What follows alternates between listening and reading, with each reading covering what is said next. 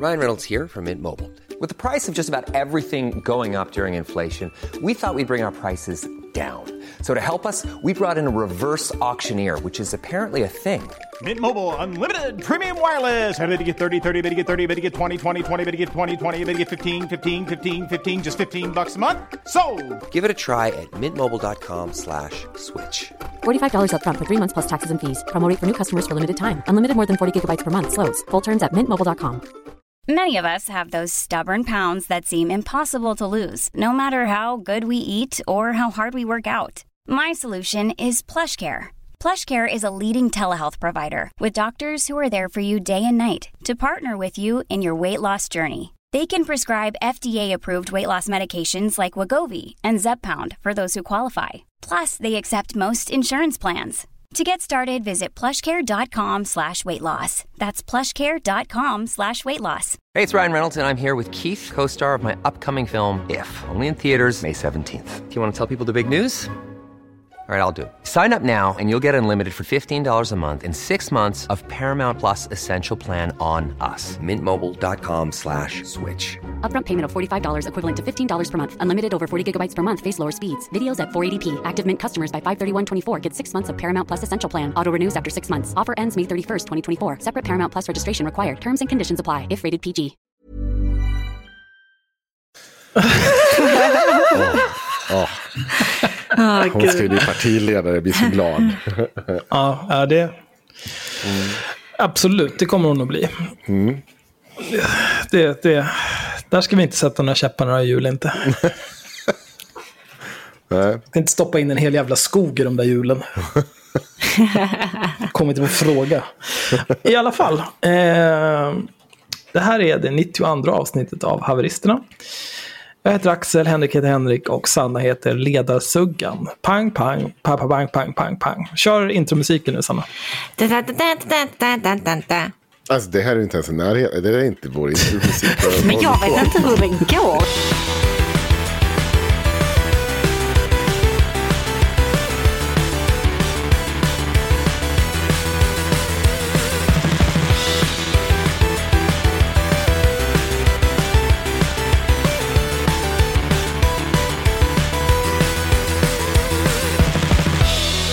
I alla fall, eh, en sak jag kommer att tänka på nu, det är va- varför är det här avsnitt 92? Eh, vi borde inte vara på avsnitt 92 förrän typ i februari. Menar du då? Nej, men att- var, varje säsong har varit 25 avsnitt och det har tagit oss ungefär ett år att ta oss igenom 25 avsnitt. Jag tror fy, fyra avsnitt i november får vi sikta på och sen tre i december. Och sen så är det Alltså- säsong fem. Jag hade kunnat tänka mig att sitta och liksom eh, spela WoW istället. Eh, det, det var samma sak för mig. Jag hade i och för sig inte helst velat spela WoW. Jag har fan bränt sönder min hjärna på att göra hela jävla Legion för att få min, min jävla orderhåll transmog och min class mount till min paladin. Men nu har jag båda två. Nu tänker jag aldrig sätta min fot där igen. Nej, det är bra. Det är perfekt. Men det är inte därför vi är här. Eh, vi ska börja med att prata om något lättsamt idag, tänkte jag. Eh, eh, eh, det, en annan podd har pratat om oss. Det är enda gången jag lyssnar på andra poddar.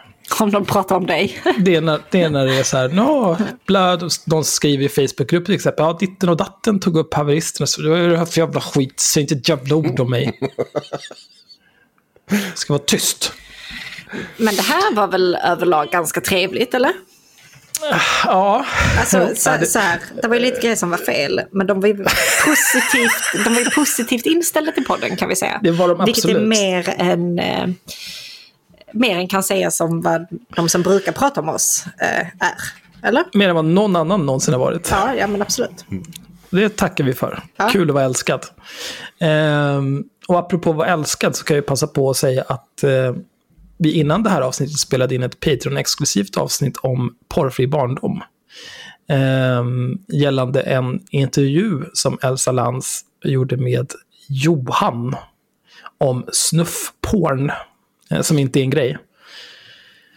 Eh, men eh, man kan väl sammanfatta det med att eh, Elsa Lantz är en bedragare, en charlatan och en lögnare. Och det avsnittet finns förmodligen på Patreon ungefär nu. Så passa på att bli Patrons. Och eh, det kan ju vara bra Men att du- lyssna på avsnitt 59 innan dess. Ja, och vi vet inte vilken ordning, om det här avsnittet släpps först och sen det eller vice versa. Ni får se, det kommer i alla fall. Det är inspelat och klart. Så det är egentligen bara klippning och ja, hej och hå. Hej och. Det ska kosta en jävla massa pengar först innan vi får det. Det är som vanligt. Man bara betalar och betalar. Men eh, den här podden som har pratat om oss är Inte din morsa. Som görs av... Varför skriver jag inte upp det? Ann Söderlund. Och Sanna Lundell. Sanna Lundell. Så det. Eh, det är avsnitt någonting. De nominerar inte sina avsnitt, men det är avsnittet som heter Hamid spårar. Som publiceras den 19 oktober. Eh, de inleder det avsnittet med att prata om rektor Hamid. Som jag, jag inte, vi prata om det? Alltså, vad finns det att säga? Ja, men jag, jag har, jag har en, en het tagning på det. Ja, nice. Då tar vi det sen. Eh, men de pratar om eh, att han är... Han var runt 30 och var ung och sökande och då råkade han bli eh, homofob och antisemit. Som man blir i vuxen ålder, det är helt rimligt. Och så pratar de om att hans medverkan i På spåret, den går ju inte att sända längre. Och hans parhäst där var Frida Boysen. Vad pinsamt det måste vara för henne som har jobbat med Trolljägarna. Varför har ingen gjort någon research? Varför har ingen kollat upp det här? Bipperipperipperipperipperi. Eh, och sen så pratar de lite om oss. Och då säger de Haveristerna är en poddtrio som drivs av två snubbar. Det är det första de säger. Eh, och de här två snubbarna, det är förvånande nog, det är jag och Henrik. Eh, och jag och Henrik, vi har jobbat tillsammans i många år. Eh, vi startade ju till exempel och drev Inte Rasistmän tillsammans. Det är helt Och sjukt att du har förträngt denna delen ur ditt liv, Axel. För det är Ja. långt ifrån de första som säger det här om dig. Att eh, du har varit en eh, pionjär eh, inom intrasismen. Men eh, du har förträngt det. Du säger att det, är- det är inte sant. Det är inte så. Och det är konstigt. Nej, så det är märkligt. Ja, det är väl egentligen mina två största gripes med det där. Att eh, en trio består ju normalt av tre personer. Ja. Eller tre saker. Eh, men det var synd att Sanna inte fick vara med. Men det är Nej. kanske inte så konstigt med tanke på att hon inte är med i De- själva avsnittet. De diskuterar ju det avsnittet där jag inte är med. Ja. Jo, men de vet ju ändå att vi är en trio, eller hur? Ja, ja, visst absolut. Eh, och, och sen det här Jag med att delar jag skulle... dessutom namnen ena, så att man kan ju tycka att... Mm. Ja, visst absolut. Man kan tycka att de borde respektera det. Sannaskapet. Vad hände med det? Sannaskapet. Ehm, och sen det här med att jag ska ha haft någonting med intrasismen att göra. Det, eh, det är inte så. Jag har aldrig haft någonting med intrasismen att göra. Jag jobbar inte gratis. Nej. Nu, nu tänker jag fan inte säga det fler gånger, alltså nu får det räcka. Men i övrigt så var de mycket positiva. Vilket avsnitt var det de hade lyssnat på? Eh, om, Vad heter om, det? Patreon-avsnittet om... Uh, Cissi Wallins ofriska BFF. ja, precis. Ja, just det. Ja, det var... De kallas också eh, vad, någonting med Lisbeth Salander. Att vi var, och det är ju helt korrekt. Det tycker jag att det, det Det borde är kallas. väldigt fint. Och jag vet att Ann Södlund precis har gjort reklam för eh, Porrfri barndom. Det tror jag kan bli lite... kan Det bli blir pinsamt. ja. De, hon borde Ja, nej, lyssna men, på eh, nästa Patreon-avsnitt. Om ni har det här så ja, lyssna på nästa Patreon-avsnitt. Ja. Så, så. Men det var snällt. Eh, Vi kan väl tacka för de fina orden. Och inte låta så jävla stroppiga. Jag är glad när vi får cred. Det är kul. Jo, ja, men det är lite roligt att de pratade om så här, varför har ingen gjort någon research på rektor Hamid? Och sen har de inte gjort någon research på oss. Det tyckte jag var lite roligt. Ja. Kommer inte ens ihåg vad jag hette. Vad fan är det? Nu kommer jag i och för sig inte ihåg vad en av dem hette heller, men...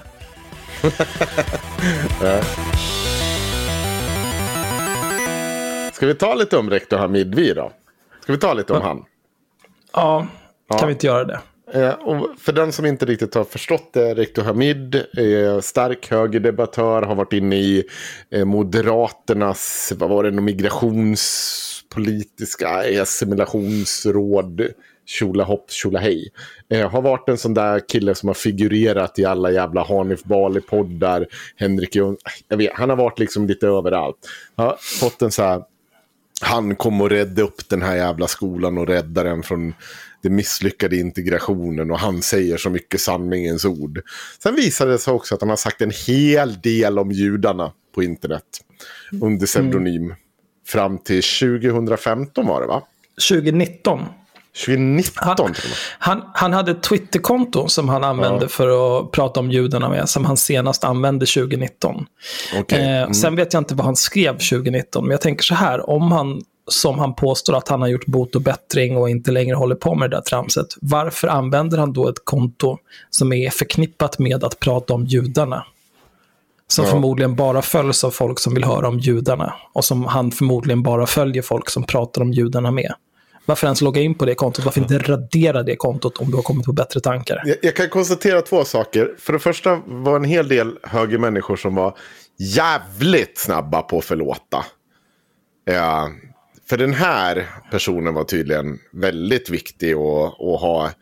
Eh, men alla de andra liksom, förortsblattarna som står och säger någonting om judarna. Alltså, de ska ju ut ur det här landet omedelbart.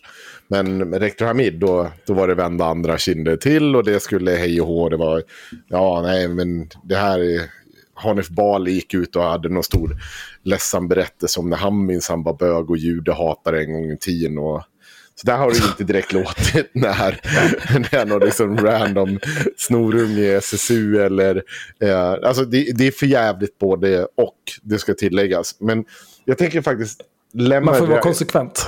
Man får vara konsekvent. Jag tänker lämna den diskussionen. För jag, jag tänker att vi ska titta på vem är personen rektor Hamid och varför har vi en bunt människor som avslöjas på det här sättet. Jag har en tanke kring det jag tror att det här är människor som är medelintelligenta personer. De kan och karriär, karriärsdrivna vill gärna att man ska se dem. Eh, men innan det sker så har de liksom ingenting som står ut. Och det de då gör istället Eh, för att de fattar att de är smarta nog att nej, men det är inte så jävla rumsrent att springa runt och skrika om judarna. Samtidigt som jag aspirerar på en karriär som rektor och liksom inom skolvärlden. Det kan se jävligt illa ut det. Eh, så det de gör det är att de skapar sig en internetpersona. Som får en massa liksom, likes och stöttningar och ryggdunkningar av den sfär man är ute efter. Eh, det här såg vi också med, vad heter han, eh, Hans... Ja, Anderberg. Ja, Anderberg. Eh, som, vi, som var liksom gift med hon på gardet. Men det, han är långt, Lionax, han är långt ifrån ensam. Det här har ju avslöjats många gånger förut. Man ser liksom de här människorna som sitter på Flashback och har liksom tio år av kommentators liksom. Det är åtskilliga tusentals kommentarer i varenda jävla... De, de liksom lever på någon slags typ av berömmelse som de får av att tycka en massa edgy skit och bara liksom vara frän bakom pseudonym. Men sen tror jag att det är så här ibland att vissa av de här människorna, det räcker inte för dem. Utan då ska de liksom nyskapa sig. Och så vill de bli liksom den offentliga personen. Och då ska de städa undan det där. Och det, ja, vi såg det med, vad heter han också, vad heter han, eh, på Sverigedemokraterna i Göteborg. Han som skulle döda någon och gräva ner i garderoben. Eh, Jörgen Fågelklo.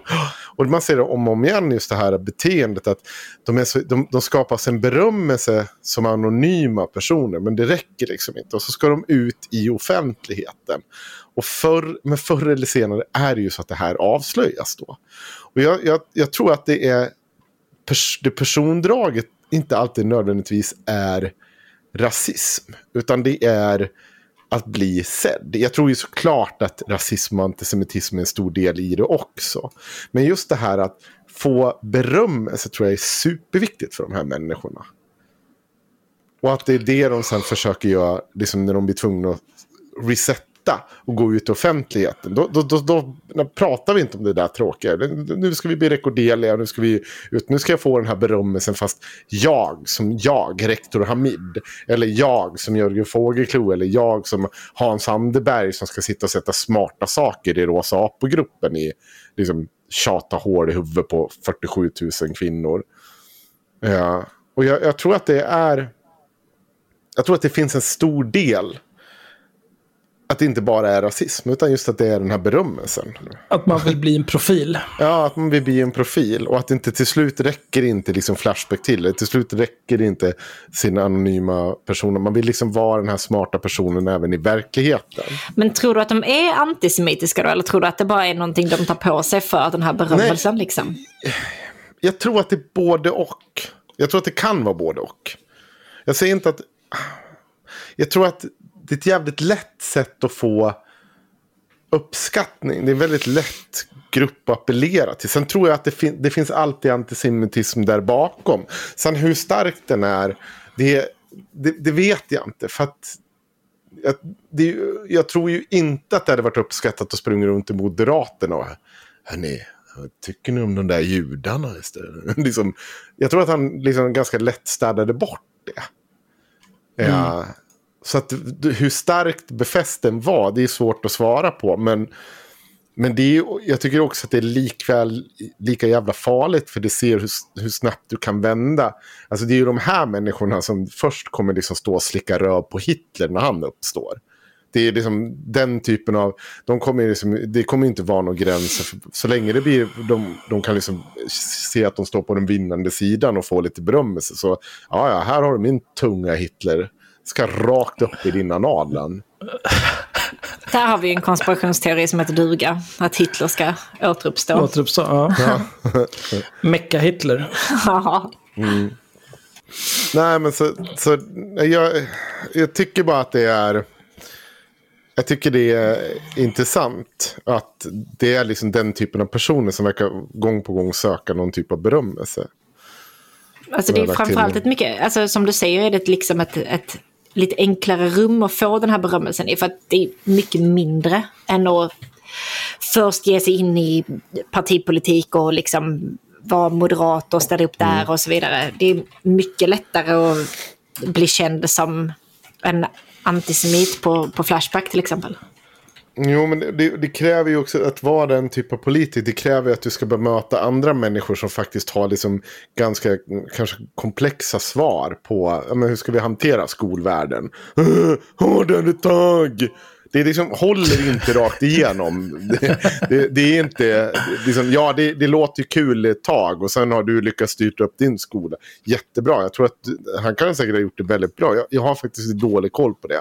Men men det, blir liksom, det är inte hela lösningen för hela systemet. Jag har faktiskt eh, en text man skulle kunna läsa på det här ämnet.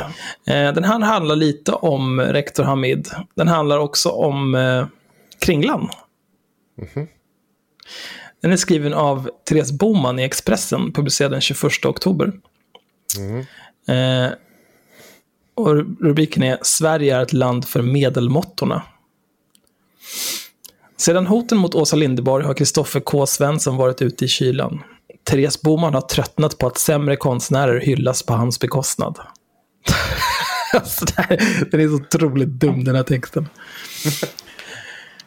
Kringlangate heter ett av kapitlen i Filip Gifter Svenssons nyligen utkomna reportagebok Provokatörerna om den svenska humorscenen.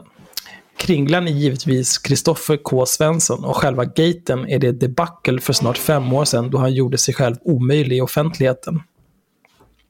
Berusad och upprörd över en recension hotade han både Aftonbladets dåvarande kulturchef Åsa Lindeborg och gästrecensenten Viktor Malm i podden eh, AMK Morgon. Att Lindeborg inte ville ha en medarbetare som betedde sig så, parentes, Svensson medverkade då i podden Lilla Drevet som gjordes i samarbete med Aftonbladets kultursida, slutparentes, var inte så konstigt. Mer anmärkningsvärt var, han, var hur han på ett ögonblick blev fullständigt cancelled. Samarbeten avbröts, framträdanden ställdes in, ingen ville längre förknippas med honom. Det här, jag, eh, det var när jag hade läst ungefär så här långt som jag insåg att den som har skrivit det här är en idiot. För Ehm, alltså varför skulle någon vilja bli förknippad med honom där och då? Varför Va- skulle någon vilja att han kom och gjorde något framträdande någonstans? Varför skulle någon vilja arbeta med honom om man såg hur han behandlade sina medarbetare liksom? Ja, och sen, jag menar visst, nu har det ju gått fem år. Det är väl fine. Eh, det måste ju finnas någon typ av path to redemption. Eh, men samtidigt så, där och då, att, att alla bara, "Pff, fy fan, du är helt radioaktiv just nu, bort från mig. Ja. Det är ju inga som helst konstigheter. Och när Aftonbladet Kulturs Anna Andersson recenserade provokatörerna i helgen var det med utstuderad tydlighet hon genomgående undvek att nämna Kringlan i sin text. En subtil hämnd kanske, eller bara långsint i överkant. Ja, okej. För den som följt Kringlan de senaste åren inser att om någon förtjänar att nämnas i sammanhanget så är det han. Samtidigt är humorn bara en del av vad som de senaste åren har utvecklat sig till ett djupt originellt och sanslöst produktivt konstnärskap. Utöver sina egna föreställningar och sin medverkan i Della-poddarna, parentes, som utkommer med två till tre avsnitt i veckan inom ämnena sport, kultur, relationer och kvinnohistoria, slutparentes, har Kringland skrivit och gett ut den drygt 1200-sidiga romantrilogin Sinfonia. Snart kommer första delen i den planerade och sannolikt lika omfångsrika uppföljaren Fantasia.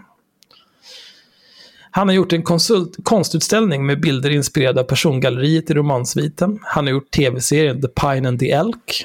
Det är sannolikt svårt att hitta någon i kultursverige som jobbar så hårt för så litet, ja praktiskt taget obefintligt erkännande i offentligheten.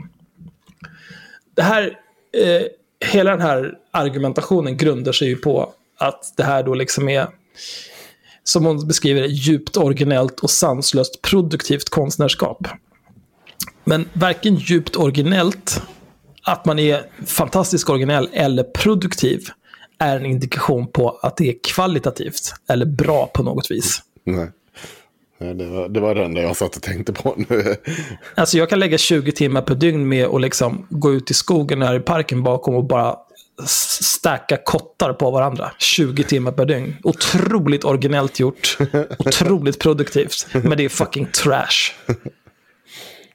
Det enda som kommer hända är att ekorren som bor här kommer titta på mig och bara din jävla åsna. Och sen kommer han gå därifrån. Eh, Gifter Svenssons bok är inte bara en dokumentation av ett fält som vuxit fram i skuggan av traditionella medier. Den visar dessutom hur det från icke-etablissemangets sida finns en vilja att upprätthålla de vattentäta skott som får sägas råda mellan de två offentligheterna. Jag skulle nog gärna ha hela episoden ogjord, men inte konsekvenserna, säger Kringlan själv om Kringlan Gate. Ja, eh, han, jag har för mig att han höll på, det var någon typ av försvarstal han hade där, att han, han hade bestämt sig för att han skulle gå dit och kuka ur för att få sparken. Mm, det sa han Eh. vid något tillfälle, ja. Det är ju, tror jag, en efterhandskonstruktion. Gånger Ja, 20. det känns väl lättare att bara säga upp sig och inte bara bränna 100 miljoner broar i samma veva. Jag, jag tycker också att det säger mycket om dig som person om du väljer att gå dit och säga att du ska dra en, fit, nej, dra en yxa i fittan på din chef och inte liksom bara ha gjort det i affekt.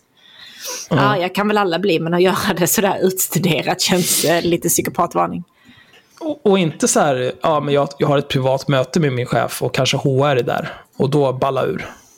Har planerat det. Utan jag, jag planerar att gå och balla ur i en Offentligt. direktsändning. Ja. Som lyssnas av hur jävla många tusen människor som helst. Eh, Det är inte smart. Det är verkligen inte smart gjort. Idag har han en lojal skara fans som är villiga att betala för hans material. Underground-stämpeln passar målgruppen perfekt. Ja, det är klart det gör det. Det är folk som vill känna sig speciella. Oh, yeah. Kringlan, du har nog inte hört talas om honom. Jag följde honom innan han kukade ur. Och den här texten gör på så vis sannolikt mer skada än nytta. Men fallet Kringlan säger också något om, det ganska, om ett ganska inskränkt kulturklimat, där sämre och tråkigare författare och konstnärer uppmärksammas oändligt mycket mer bara för att de råkar komma via rätt kanaler. Det genererar pliktskyldiga kultursidestexter och debatter om sådant som står på andra kultursidor, men inte om sådant som sägs, ofta med betydligt större energi och roligare infallsvinklar, men inte nödvändigtvis med mindre kunskap, i en podd som Della Arte. Debaclet kring Hamid Safar förra veckan belyste de otroligt obehagliga mekanismerna när offentligheten kollektivt fryser ut en person. Det här är också väldigt talande, att, att kalla det för ett debacle. Det är liksom... Eh, en offentlig person som profilerat sig och av andra profileras och engageras för att det är så jävla ordning och reda. Här är någon som vet hur skåpet ska stå, rätt och ordning och bra och fint och hej och Bara, Nej, du är homofob och antisemit. Nej, okej. Okay. Du var ung och oförståndig vid 30 års ålder. Okej. Okay. Okej, okay, gubben. Dra åt helvete för fan. I realtid kunde man än en gång följa hur en persons hela liv slås sönder, hur uppdrag efter uppdrag dras tillbaka, hur arbetsgivare efter arbetsgivare tar avstånd. Dessutom i sociala medier, där folk gärna vill vara med när drevet går och ventilera just sin personliga besvikelse och upprördhet. Man kunde ha önskat att bara någon uppdragsgivare haft is i magen och sagt det är klart att vi tar avstånd från det förkastliga han har sagt, men vi tycker samtidigt att det bra han har gjort väger tyngre än det dåliga. Precis som någon borde ha sagt i Kringlan-gate. Idag har ingen längre något att vinna på att hålla Kringlan ute i kylan. Däremot har alla något att förlora på att det fortsätts att demonstrativt tas avstånd från en så begåvad person. Det blir tråkigare för alla. Jag undrar, eh, undrar hur bra kompis Therese Boman är med Kringlan. Men är det, är det väl ingen som demonstrativt håller på att ta avstånd från Kringlan? Nej, det, det... Men, men, det är för att han är irrelevant nu. Han är, inte, han är inte irrelevant. Han har ju, jag tycker heller inte han är någon slags outsider. För han gör ju, som hon säger, en jävla massa saker. Men det, han gör ju det men eget. Han är irrelevant på det viset. Det är inte som att han kommer liksom jobba på Aftonbladet igen. Nej, men är det med måttstock för relevans då? Jag håller inte, jag tycker liksom att det, det, vi, det är ju att acceptera. Nej, men hon, hon, menar ju, hon menar ju att han borde få komma tillbaka, liksom, att ingen pratar, folk pratar inte tillräckligt mycket om honom, han får inte tillräckligt mycket uppmärksamhet. Nej. Det är det jag menar med att han är relevant på det viset. Ja. Alltså skillnaden ja. mellan Hamid och, och Kringlan är ju också att eh, Hamid har ju uttryckt sig liksom antisemitiskt om en stor grupp och så vidare. Så att då, är, är man jude så är det ju kanske inte så himla kul att behöva jobba med honom. Men Kringlan har ju gjort det här mot liksom, alltså sina medarbetare, en, en helt vanlig person typ. Så hade jag fått välja så hade jag ju inte velat jobba med Kringlan av just den anledningen. Och då spelar det kanske inte så stor roll hur lång tid det går. För att finns det någon annan som kan fylla hans position lika bra så hade jag tagit den istället. Ja. För att inte riskera att få en yxa i fittan. Eller att han bara vaknar en dag och bestämmer och bestäm, sig för ja. att nu är det dags att få sparken. Ja, och så blir det skitjobbigt att hantera. Precis. Mm. Men det här med... Alltså jag tycker inte det är så konstigt eh, när sånt här händer. Både Kringlan och rektor Hamid. Eh, för att alla som har någon typ av relation till dem överhuvudtaget måste ju ta ställning till dels så här, ja, du har gjort det här konstiga. Vad tycker jag om det? Eh, och sen måste man ta ställning till så här, men okej, okay, tror jag på din förklaring till det här? Det vill säga, Kringlans fall, ja, jag söp mig brännfull och jag hade bestämt mig på förhand om att jag skulle göra så här för att få sparken. Det är ju en lång... Får jag säga en sak? Vänta. Det där, det, där är en, det där är en enorm efterhandskonstruktion. För det kommer först ett par år efteråt. Och när han sitter och stöddig i något jävla sammanhang. Han sitter och ganska riktigt jävla uppkäftigt sammanhang. Eh, och säger bara nej men jag hade planerat det där. Jag tror inte skit på för jag har för mig att han var ganska ångerfull när det här väl begav sig och höll sig mest undan. Ja, och rektor Hamid, om man tittar på hur han reagerar också. Det första den karln säger det är att ja, det här var på den tiden jag var vänster. Vad är du ja, tappad i tönt. hela jävla dumträdet? Det är fan, sluta, det är, du... Oh, Gud, det är Nej, så... det blir inte bättre. Nej, och det blir ett konstigt sätt att se på det. Jag kan tycka att... Alltså, ja, han försöker ju ta sig ur det här Rektor Hamid direkt. På, med det det sämsta försvaret någonsin. Där och då Kringlan, han håller ju käften och säger att ah, men det här var åt helvete eller något sånt där.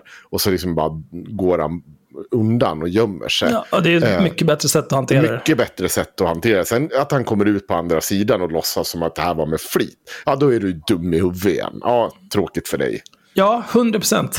Det är ju katastrof. Men det är ändå... Eh, alltså, bete sig som en apa för att man är brännfull. Det tror jag ändå att det kan nog många relatera till. Men sen så är det inte särskilt många som eh, har den typen av publik som Kringlan hade då. Vilket gjorde det tusen gånger värre för honom. Ja. Men det enklaste är ju bara... Eller det enklaste, det bästa är ju bara... Ja, mea maxima culpa. Jag är en superapa. Nu går jag iväg. Men, men det är ju också samtidigt en vidrig sak att behöva göra. Då är det, känns det säkert lättare som rektor Hamid att så här, eh, skylla på att han var ung och oförståndig, att han var en sökare, att han var vänster och så här. Och säger han det tillräckligt många gånger till tillräckligt många människor så kommer han säkert börja tro på det också. Jag har sett en till sak innan vi går in på eh, hur, hur fullkomligt efterbliven Peter Rung är. Eh, men jag tänkte att du har ju faktiskt tagit fram en grej om Jens Skarman. Kan inte du ta det? För vi tog upp honom i förra avsnittet också. Men jag tycker att det här serien av tweets är så jävla bra av Staffan Landin. Ja, Staffan Landin är en hjälte. Mm. Eh, det här är från Twitter. Fem dagar Eh, sedan. Ja. Eh, Staffan Landin är föreläsare, skribent och datajournalist. Har tidigare jobbat på FN och på Gapminder. Hans Rosling, som ni säkert kommer ihåg. Eh, och han har skrivit följande. Om ni fortfarande undrar hur uppenbara lögner och falska nyheter faktiskt kan fungera som påverkansverktyg, ta en titt på svenska Twitter. Det, ser ni? Påverkan. Det, Man tänker direkt på ryssen. Här ett realtidsexempel med årets svensk som lögnare och nyttiga idioter i riksdagen som superspridare. I fredags mördades en fransk lärare för att han under en lektion om yttrandefrihet visat en karikatyrteckning av profeten Muhammed. SVT rapporterar naturligtvis detta i alla sändningar. De beskriver det som ett terrordåd. Som en brutal attack på yttrandefriheten, på läraren. De berättar om att han ska ha halshuggits och att bilder ska ha spridits på nätet. Rapporteringen fortsätter under lördagen. De berättar om chocken och avskyn i Frankrike och protesterna bland befolkningen som uppstår i hela landet. Under söndagen sänder de live från gigantiska protester från Paris. Det är denna livesändning som senare används mot dem.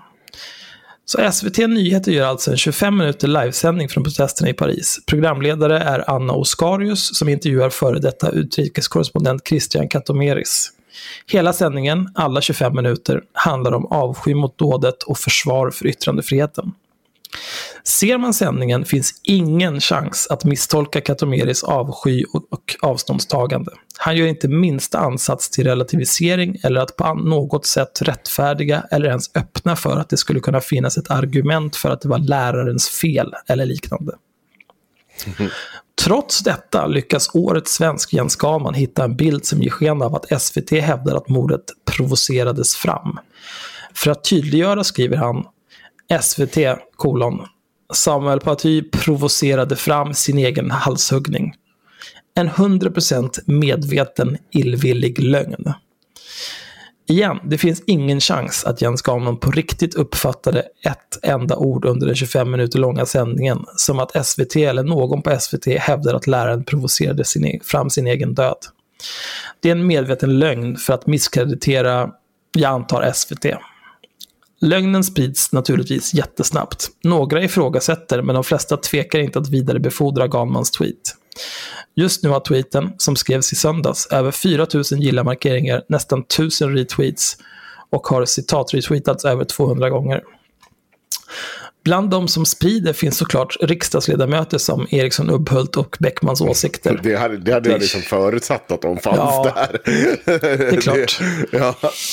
Det där, de där kommer ju liksom ha, det är också så här människor som, det, de kommer inte slicka Hitler i röven, men när Putin kliver in på liksom Rosenbad, då står de där med tungan redo. Kom nu. De är ju så otroligt dumma i huvudet, båda de där två.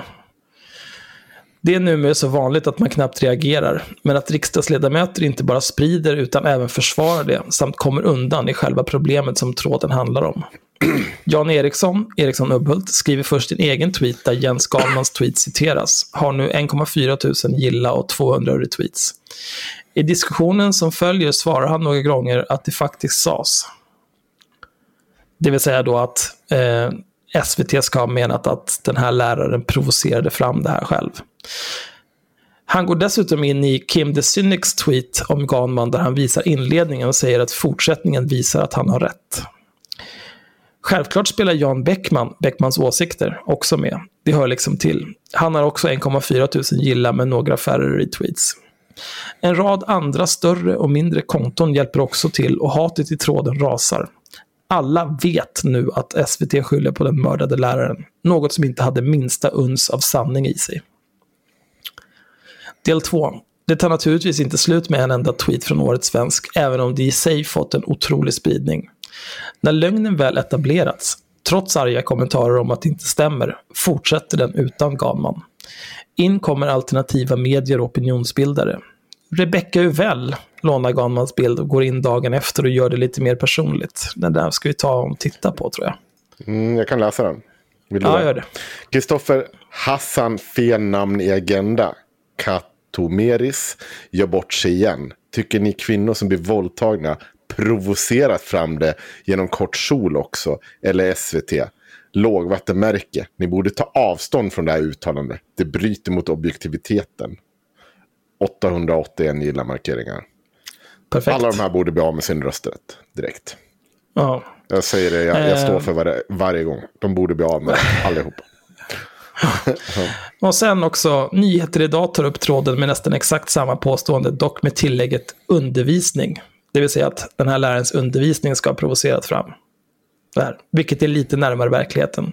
Förutom då att det fortfarande inte stämmer. Men nu finns en rubrik som ser ut som från en riktig tidning att dela, vilket också görs.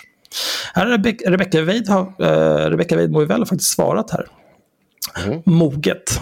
Har inte du någon graf att vilseleda med också, som du brukar som statistikexpert? Eller fick du foten av bladet på grund av orimligt trist även för dem? Så jävla... Hon är så jävla dum. Ja. Riktig idiot alltså. Ehm, ja, nej, jag vet inte vad jag ska säga. Och eh, jag kan säga att jag har inte sett det här klippet från SVT.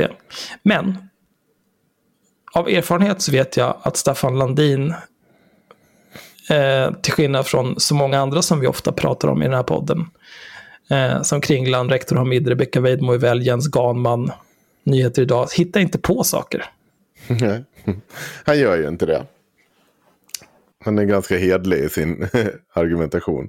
Jag har inte heller sett det och jag antar att det är väl någon typ av, när de pratar om det, hur det skulle ha liksom, hur de ser på det, de som har gjort det här eller något sånt där.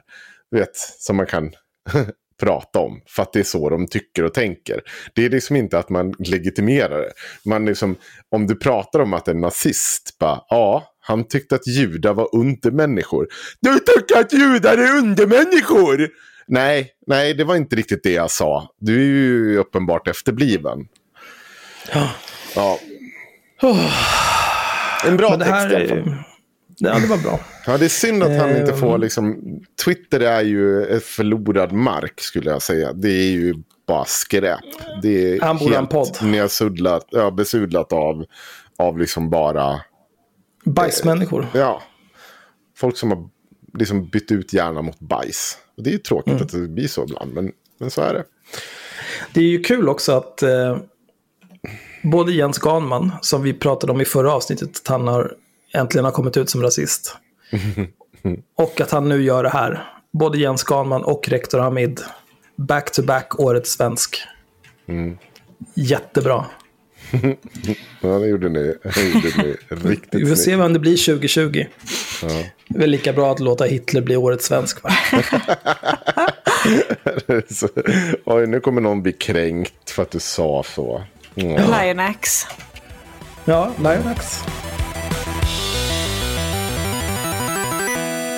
Eh, någon har publicerat fejkade bilder med roliga texter på vårt Instagramkonto. eh, som handlar om att eh, paret Rung, de tycker inte om när du tar på dig själv. De tycker inte om när du knullar. De tycker inte om när du köper en barnvagn. Eh, och eh, det jag är blir 100% panik. mest, mest nöjd med barnvagnsgrejen. Det är, det, är bara, det är väl så få som fattar den. Är det att man ska ha bärsjal egentligen? Ja, precis. För att vara en riktig, riktig Men människa. det, det höll de ju på med. Eh, han var ju verkligen helt... eh, Där har de ju hållit på med omgångar. Först var det Nina som drog igång att äh, du ska springa runt med bar... annars är du liksom ingen bra förälder. Och då lackade folk. Sen drog hon sig ur det där och så pratade hon inte det. Sen kom Peter och skulle ta upp den bollen. Ja, och började hänvisa till någon jävla typ av forskning som var ju bara skräp. Ja, och det påtalade ju folk och då förstod ju inte Peter alls. Han, hade- han hade ju aldrig sagt att det här var Precis som Peter alltid gör och som ni kommer få höra alldeles snart. Ja, och, ja, men jag tyckte att den var jätterolig i alla fall. Bara. Men en av de stora grejerna där var ju att eh, det blir panik i det rungska hushållet om rougen. Mm. Rougen, inte rouget. Rougen. Säger man rouge? Rogue. Rogue? Va? Nej. Hallå? Nej, men det, det fick man inte skämta om. Eh, då blev det ett jävla liv om så här. Åh, det är så jävla lågt att skämta om folks utseende på det här viset. Snälla! Det är att Nina Rung eh, använder mer rouge än genomsnittet. Det är liksom, det är ingenting som går att diskutera. Det är så det är bara. Personligen har jag inga åsikter kring det. Skämtet var att när det blir brist på rouge, då blir det problem och jobbigt. Det har ingenting med hennes utseende att göra. Det handlar bara om att hon använder mycket rouge. Och att skämta om någons utseende, då pratar man också om utseendet. Inte så här, eh, hur mycket smink du har på dig, eller någon särskilt smink. Det är ju typ så här, ja, du har vingmutteröron, du har stor jävla ballongnäsa, din, din jävla vattenskalle. Vingmutteröron. Ja, det Ja, var länge liksom- sedan jag hörde det. Vad är det? det är, Dina öron står st- rakt ut som en, ser ut som en vingmutter. Vad är en vingmutter? Nej men sluta. En vingmutter är en som man kan skruva i för hand. Det är sånt som har som två öron. Istället för att Aha, du behöver ett okej. Jag verktyg så googlade skruvar du den precis. för hand. Ja, men jag vet vad det är. Ja. Jo, men också att, att göra sig lustig över någons utseende, då handlar det ju faktiskt om utseendet. Och utseende är ju saker man inte kan förändra, som till exempel utstående öron, stor näsa, whatever. Eh, helt fuckad tandrad, eller man kan ju ha bracers, men visst. Men så här, eh, om Nina ville, då skulle hon kunna använda mindre rouge. Och så liksom var det inte mer med det. Nu säger jag inte att hon ska göra det, hon får ha hur jävla mycket rouge hon vill. Jag är helt okej med det. Och det spelar ingen roll vad jag tycker om hur mycket rouge hon har ändå. Men, och kom och grina om så här, Åh, ni hånar folks utseende, ta er samman. Ta er samman. Alltså, eh, att, att, äh att håna någon för att den bär mycket rouge är väl, kan väl lite in på typ så här, folk som ser ner på människor som har tatueringar eller piercingar eller eh, klär sig i, i vissa kläder eller så vidare. Så vidare. Jag tycker väl överlag att man kanske inte borde bry sig om så himla mycket vad, vad andra har på sig eller har för sig eller så vidare. Men det var ju också som du säger inte poängen att haha titta så rolig hon ser ut när hon har så här mycket rouge på sig. Utan poängen var hon har mycket rouge på sig och det är jobbigt när den tar slut. Alltså inte... Ja. Ja, jag hade kunnat förstå om det var typ så här, fan Nina Rung som har så jävla mycket rouge på sig, hon ser ut som en clown. Då hade jag kunnat förstå det. Ja, nej, det var ett jävla grinande. Och det, är- det är ju också så här att det är ju sån jävla... Det, de, jag vet att Peter Rung lyssnar på varje avsnitt av oss. Jag vet att han följer oss och har koll Ja, men speciellt när ni sätter deras namn i titeln. Eller ni, Axel. Och de är så jävla nyfikna på vad vi gör. Och det har varit liksom verkligen Voldemort över oss när jag lyssnar på deras podd. Det är liksom de där som man inte nämner. För då kommer vi typ att ta dem i spegeln eller inte fan vet jag. Eh, Det gör vi och det blir så jävla töntigt. Och, det, och så då, det, det är bara så här, åh nej, nu, nu kommenterar de min rouge. Nu äntligen kan jag få komma och berätta vilka kvinnohatare de är och hej och hå. Men liksom, allt det andra det legitima inte en jävla meme. Det liksom vill man inte ta i med tång. Och det är på samma sätt, man vill inte diskutera att vi gjorde en jättebra ihopklippning i avsnitt, gud vet vilket det var, 90-91. Patreon-avsnitt va? Ja, Var det det? Jaha. Ja. Nej, just. Vi la upp hela det där som Patreon-avsnitt. Ja, precis. Eh, nej, men vi har, har det med i något avsnitt eh, 90-91 när hon sitter och dömer ut Linda Snäcker som någon typ av person som vill bara döda barn och låter dem bli våldtagna och hela industrin ska bara komma här i porrindustrin och göra hej och. Alltså allt sånt där, det liksom bara försvinner iväg. För det vill man inte ta i. Att man sitter och ljuger om folk, att man sitter och hittar på grejer om vad folk har sagt. Som utmålar dem som så jävla klandervärda. Men absolut, vi ska verkligen ta den här riktigt viktiga fighten om att vi har fejkat bilder. Vi har gjort en fucking jävla mini-boomer. Alltså, det, det, är så, det är så dumt. Det blir så töntigt. Det bara, åh nej, nu har de fejkat de här bilderna på oss. Det är så synd om oss. Men var de ledsna på bilden, från, eller förvånade på bilden från början? Jag vet, det är inte... Nej, det, de ler på... Hon la ju upp den, Ja. den originalbilden. De jag tror att det är någon som har gjort en ut. sådär uh, face-grej. Så att den Det är en av de här läskiga filterna som gör, som det här som gör att man ler hela tiden. Ja, fy. Ja, ja. Men hörni, nu tycker jag att vi går in på ämnet. Jag, jag kan förklara lite bakgrunden. Och det är väl det här också som ledde fram till att de här lustiga eh, bilderna om att Peter Pung... Peter... Peter Henko. Rung. Förlåt. Fan. Det Jag där tar var inte ens med flit. Alltså. det där var bara barnsligt. Okej. Eh, Peter Rung har under flera inlägg argumenterat för att eh, man ska kunna få sparken för att man är otrogen. Eh, från olika typer av föreningar men såklart även arbeten i förlängningen. Eh, det han har sagt är att han har tittat på vad japanska eh, simmarförbundet hade kastat ut någon för att han hade varit otrogen. Och så tyckte han att det var en bra grej man gjorde.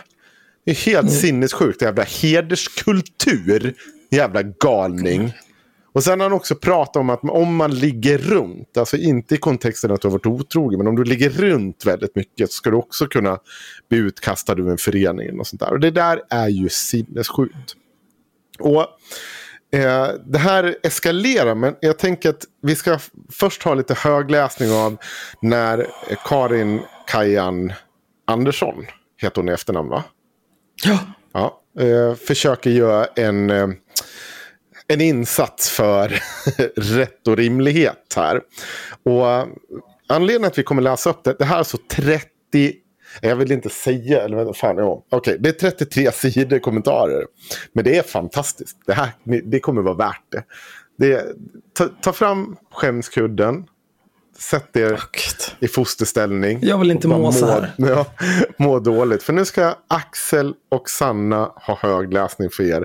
Hur Peter Rung hanterar rimliga frågor och kritik. Eh, just det, eh, Peter Rung och Nina Rung spelas av Axel. Alla andra karaktärer spelas av Sanna. Kajan börjar skriva. Så ens arbetsgivare ska förhöra sig om ifall man är i en relation och vilka sexuella överenskommelser man har i sin relation för att sen hålla koll på en så att man följer dem. Brott naturligtvis, det är oacceptabelt. Men vem då sex med under samtycke? Eh, har väl inte din arbetsgivare något som helst med att göra? Vilka andra frågor kring sexuella relationer får arbetsgivare i så fall förhöra sig om? Och Peter svarar, jag gissar att du har ditt eget svar i frågan. Japp, men nu frågar jag om ditt. Och då kommer här in en annan som heter Joakim Bunde. Svara gärna Peter Rung. Du frågar oss frågor som du vill ha svar på. Svara då gärna på våra frågor till dig. Och Peter svarar, så det jag efterfrågar Karin är var gränsen ska gå. Jag undrar vilket ansvar en förening eller ett förbund har. Sexismen, rasismen, homofobin är många överens om. Otrogen en gång, otrogen två, notorisk otrohet, besök på strippklubbar, sexköp utomlands. Var och ens ensak. Jag menar helt klart att idrotten har ett ansvar de bör ta. Och om du läst krönikan i sin helhet så vet jag inte varför du vill få det här till att handla om att en person varit otrogen en gång. Han beskriver med all önskvärd tydlighet en kultur där stjärnorna i Tre Kronor knullar runt och är notoriskt, notoriskt otrogna makar och fäder. Jag skulle säga att det inte är en kultur jag önskar att något lag hade oavsett nivå eller division. Oavsett hur mycket eller lite en själv knullar, kollar på porr, gillar BDSM eller diggar trekanter så förstår, ju en, så förstår en ju vad en rimlig kultur att fostra unga människor i är. Okej, okay, kan jag svara? Jag har aldrig skrivit att det handlar om en person som varit otrogen en gång. Så det vet jag inte var du fått Vänta, så det vet jag inte var du och din sida har fått ifrån. Det jag däremot säger är att om man ska förespråka den här typen av överförmynderi av arbetsgivare när det gäller saker som de inte har något att göra med eller som inte bryter mot någon, någon lag eller regel så får man väga in andra situationer där en arbetsgivare tycker att en övertramp av just dennes moral har begåtts. Vad händer då? Och hur många ok ska arbetsgivare få att lägga sig i personers privatliv. Som både otrohet eller sex med andra personer än ens partner är. Vilka andra saker får du lägga sig i? Är det dåligt normerande kultur att äta kött? Att ha ekonomiska skulder? Vad händer när någon med annan moral än dig, Peter, motiverar sina intrång i någons privatliv på samma sätt som du gör? Det är sånt man både måste fråga sig och ha svar på innan man slår fast det här som en bra grej. Ja, bra svar. Mm. Ja, hon Peter är tycker inte det. klok. eh, vad är det jag slagit fast i det jag skrivit som du vänder dig mot? Men Peter, nu har jag skrivit rätt många, rätt många, rätt långa kommentarer med resonemang om just det. Inklusive följdfrågor till dig som du inte svarar på. Att moraliska betänkligheter som potentiell otrohet, som du tar upp, inte är något som en arbetsgivare ska kunna få klartecken att vare sig luska i eller sparka någon för och varför. Eh, och det är vad du bland annat skriver. Den stora diskussionen handlar om att uppmuntras till att ge någon sparken för att den inte är den moraliska förebild man kräver av den i ett yrke som handlar om andra prestationer.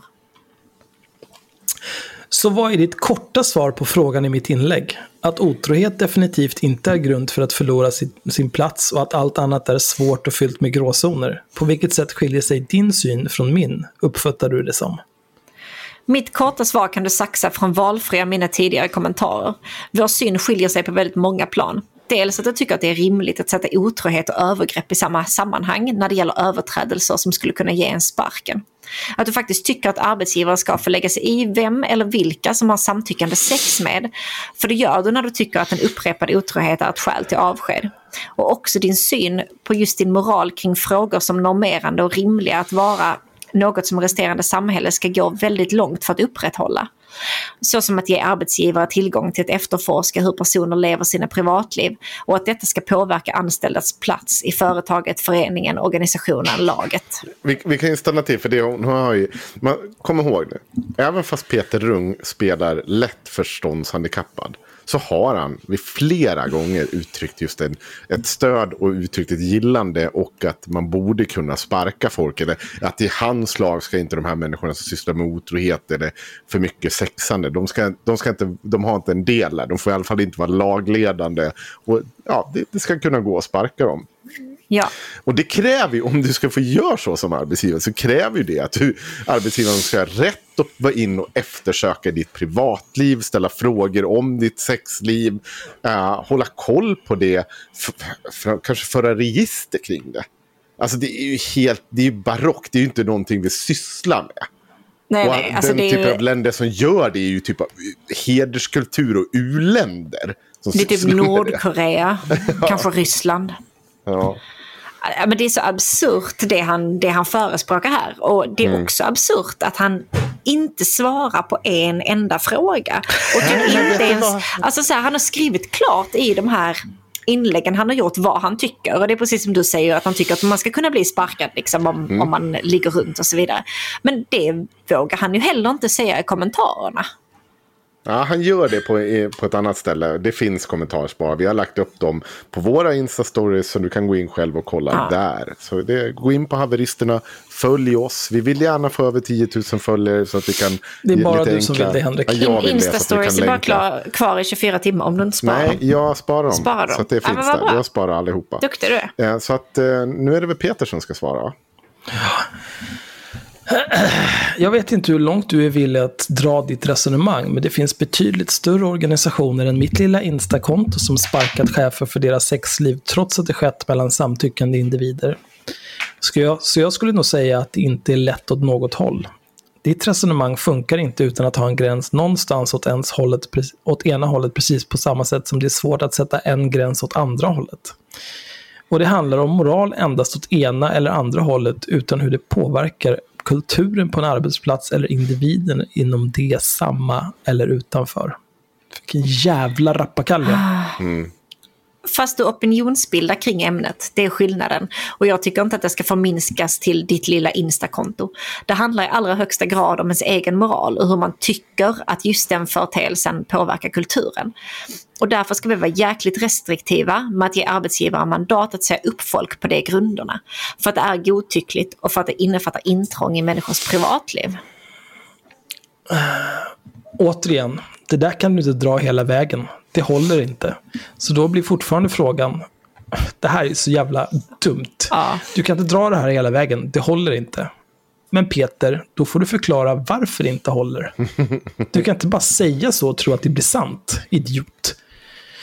Var går gränsen i det resonemang du för? När en legat mer än tredjedel, halva eller hela avdelningen och människor blir sårade, ledsna, arga. När sjukskrivningarna rämnar trots att det fanns samtycke. Du behöver liksom en kompass hur sexuellt frigjord du, än, du är och hur lite du än anser att arbetsgivaren ska lägga sig i. Det går inte annars. Det kan jag berätta. Kan, kan, nej, men kan, kan inte Peter Ung visa mig en arbetsplats där det är någon person som har legat med så många människor att sjukskrivningarna haglar? Vad fan är det här? Twinax anklagade ju... Nej, nej just det. Cissi Wallin anklagade ju mig för att jag hade gjort det. Eh, I de här eller eh, demo hon skickade till mig. Men eh, det är också kul, så här.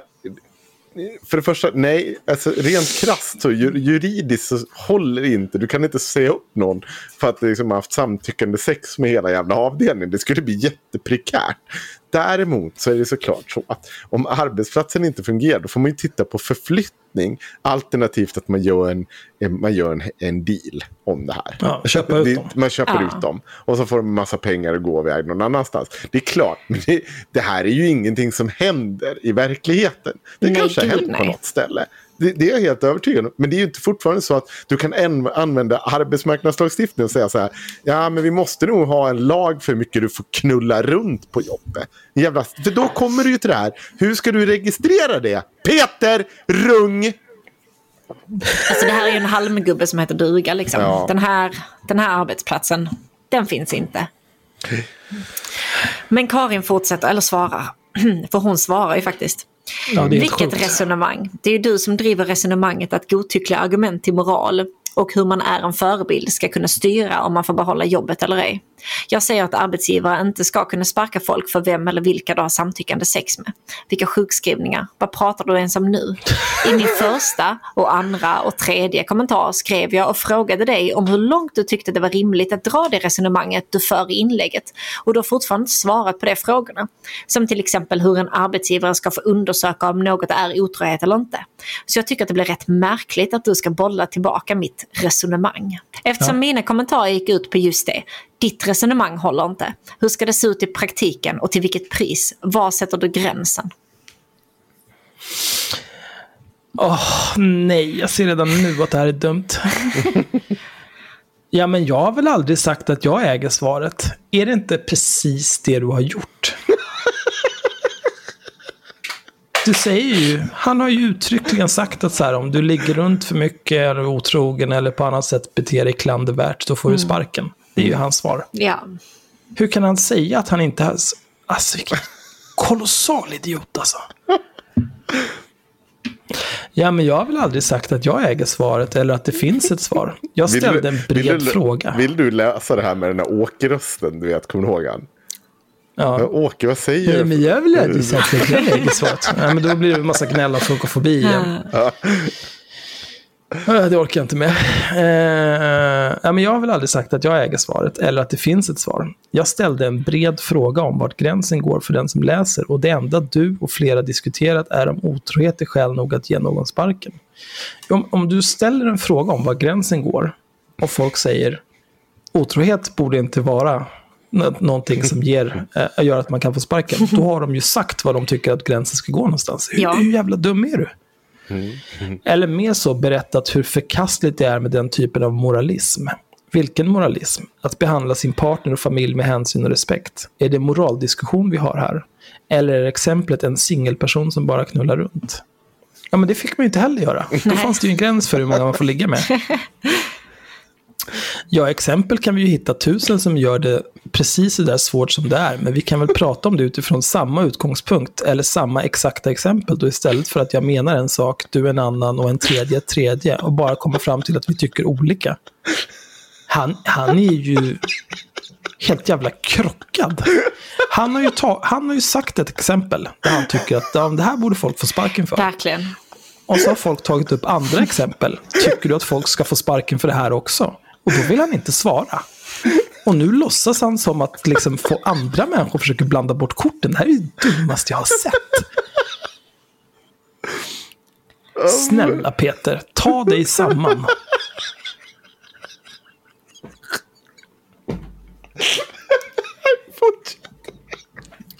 Så igen, gör upprepad otrohet mot din partner dig till en förebild och lagkapten. Nej men, åh, det är så jävla dumt! Är, alltså, ska man se på en förebild så här i, säg ett lag. Bara, vem ska vi ha som lagkapten? Jag tycker vi ska ta Sixten. Han har varit ihop med samma kvinna sedan de var 14 och han har aldrig varit otrogen. Det gör honom Det är bra på fotboll. Det gör honom till bra lagkapten. Alltså det finns ju ingen som helst relevans i det här. Jag vet inget exakt svar. Det är svårt. Däremot vad jag inte vill är att min lagkapten ska vara en person som sviker, bedrar och behandlar sin partner utan hänsyn. Du får såklart tycka annorlunda, men låt oss börja i det exemplet. Alltså, Alltså, nu säger jag- han ju det. Alltså uttryckligen där igen. Nu är vi tillbaka här. Alltså jag, jag tycker, om du ska spela hockeybockey, Ja. då ska du vara bra på hockeybockey. Resten är väl lite varför måste skitsamma. du säga hockeybockey? Då, då, kan, då kan Sanna läsa, läsa resten. För Karin har redan tänkt på de här sakerna. Hon är Ja. smart. Karin är smart. Var som Nu är Karin. ju inte hockeyspelare anställda som It's that time of the year. Your vacation is coming up. You can already hear the beach waves, feel the warm breeze, relax, and think about work. You really, really want it all to work out while you're away. Monday.com gives you and the team that peace of mind. When all work is on one platform and everyone's in sync, things just flow wherever you are. Tap the banner to go to Monday.com. Quality sleep is essential. That's why the Sleep Number Smart Bed is designed for your ever evolving sleep needs. Need a bed that's firmer or softer on either side? Helps you sleep at a comfortable temperature? Sleep Number Smart Beds let you individualize your comfort so you sleep better together. JD Power ranks Sleep Number number 1 in customer satisfaction with mattresses purchased in-store. And now, save 50% on the Sleep Number limited edition Smart Bed for a limited time. For JD Power 2023 award information, visit jdpower.com/awards. Only at a Sleep Number store or sleepnumber.com. förebild utan just som hockeyspelare. Precis som de flesta andra yrken där personerna ändå blir idoliserade eller ses upp till av andra. Ska du jobba efter den måttstocken får du då göra dig av med de flesta. Och andra kommer vilja göra sig av med andra eftersom de har andra moraliska måttstockar. Moralismen kommer in genom ett intrång i andra människors privatliv eh, vilja bestämma att det lever på ett rätt sätt eller ett fel sätt och att fel sätt ska kunna få dem kickade från sitt jobb. Att ha en mor- moralisk kompass är inte moralism. Vad du gör med den och hur du vill kräva att andra ska leva efter den, annars blir det konsekvenser, är det. Ja. ja, möjligtvis är det du beskriver som, möjligtvis är det det du beskriver som gör det svårt, men riktigt så funkar det ju inte. För riktigt så svårt att skapa samsyn är det ju inte. Enskilda föreningar likväl som förbund har uppförandekoder och policies för hur människor inom organisationen ska uppföra sig. Det finns liksom sätt att skapa den kultur och miljö som är önskvärd. Kalla det moralism om du vill, men det är ju inte så att samhället är uppbyggt utan en idé om moral och vad vi önskar av varandra som medmänniskor. Alltså Det vi som är, betyder, det, vi som inget. är en uppförandekod eller policy där det står hur många du får lov att knulla med. Alltså. Det, Nej, men det enda han gör här det är ju att bevisa att det handlar om moralism. Ja. Det, finns redan, det finns redan verktyg för att se till att man får den kultur man vill ha inom sitt företag eller whatever. Sin, sitt jävla lag. Det han vill göra är ju att införa den här jävla sharia-lagen. Ja, det här, det här är så... Mm, absolut. Jag skulle tänkt på det när jag skrev eh, likabehandlingspolicies och så vidare. Att jag skulle tagit med någon cap för hur många sexpartners du får lov att ha. Det var ju synd att jag missade det. Du kanske kan hyra in Peter, kan han lära dig? Ja, nu behöver jag inte skriva det mer för jag jobbar inte med det längre. Men eh, absolut. Men Karin svarar, eller Kajan svarar, nej. Men att samhället delvis är uppbyggd av moraliska värderingar gör det inte fritt fram för moraliserande restriktioner. Och jo, att skapa samsyn kring att något som återigen potentiell otrohet ska kunna göra att man förlorar jobbet får man nog, vara väldigt svår, får man nog väldigt svårt med, tack och lov. Förstår... Äh, Nej, men nu är han ju dum i huvudet igen. Ja, jag vet. Ja, Alltså gud, jag läste den före och så fick jag tio strokar. Förstår fortfarande inte varför du fortsätter ta upp otrohet som exempel. Det japanska simförbundet du behöver ta det samtalet med, tack och lov. För att det var ju du som tog upp det i din post, din Han skrev att det var en bra idé. Han, det var ju det här som är grunden i hela den här jävla tråden han har gjort. Hur kan han göra så här? Nej, han... Det, det är också roligt att alla Kajans kommentarer har många gillarmarkeringar. Peters kommentarer har inga gillarmarkeringar. På hans egen sida, honom. i hans egen tråd. Kajan svarar. Ja, eller med dig eftersom du har det som exempel i ditt inlägg som vi diskuterar under och har skrivit i kommentarerna att du tycker att knulla runt är ett rimligt skäl för ett uppsagt kontrakt. Du bad mig för övrigt nyss att hålla fast vid upprepad otrohet som exempel.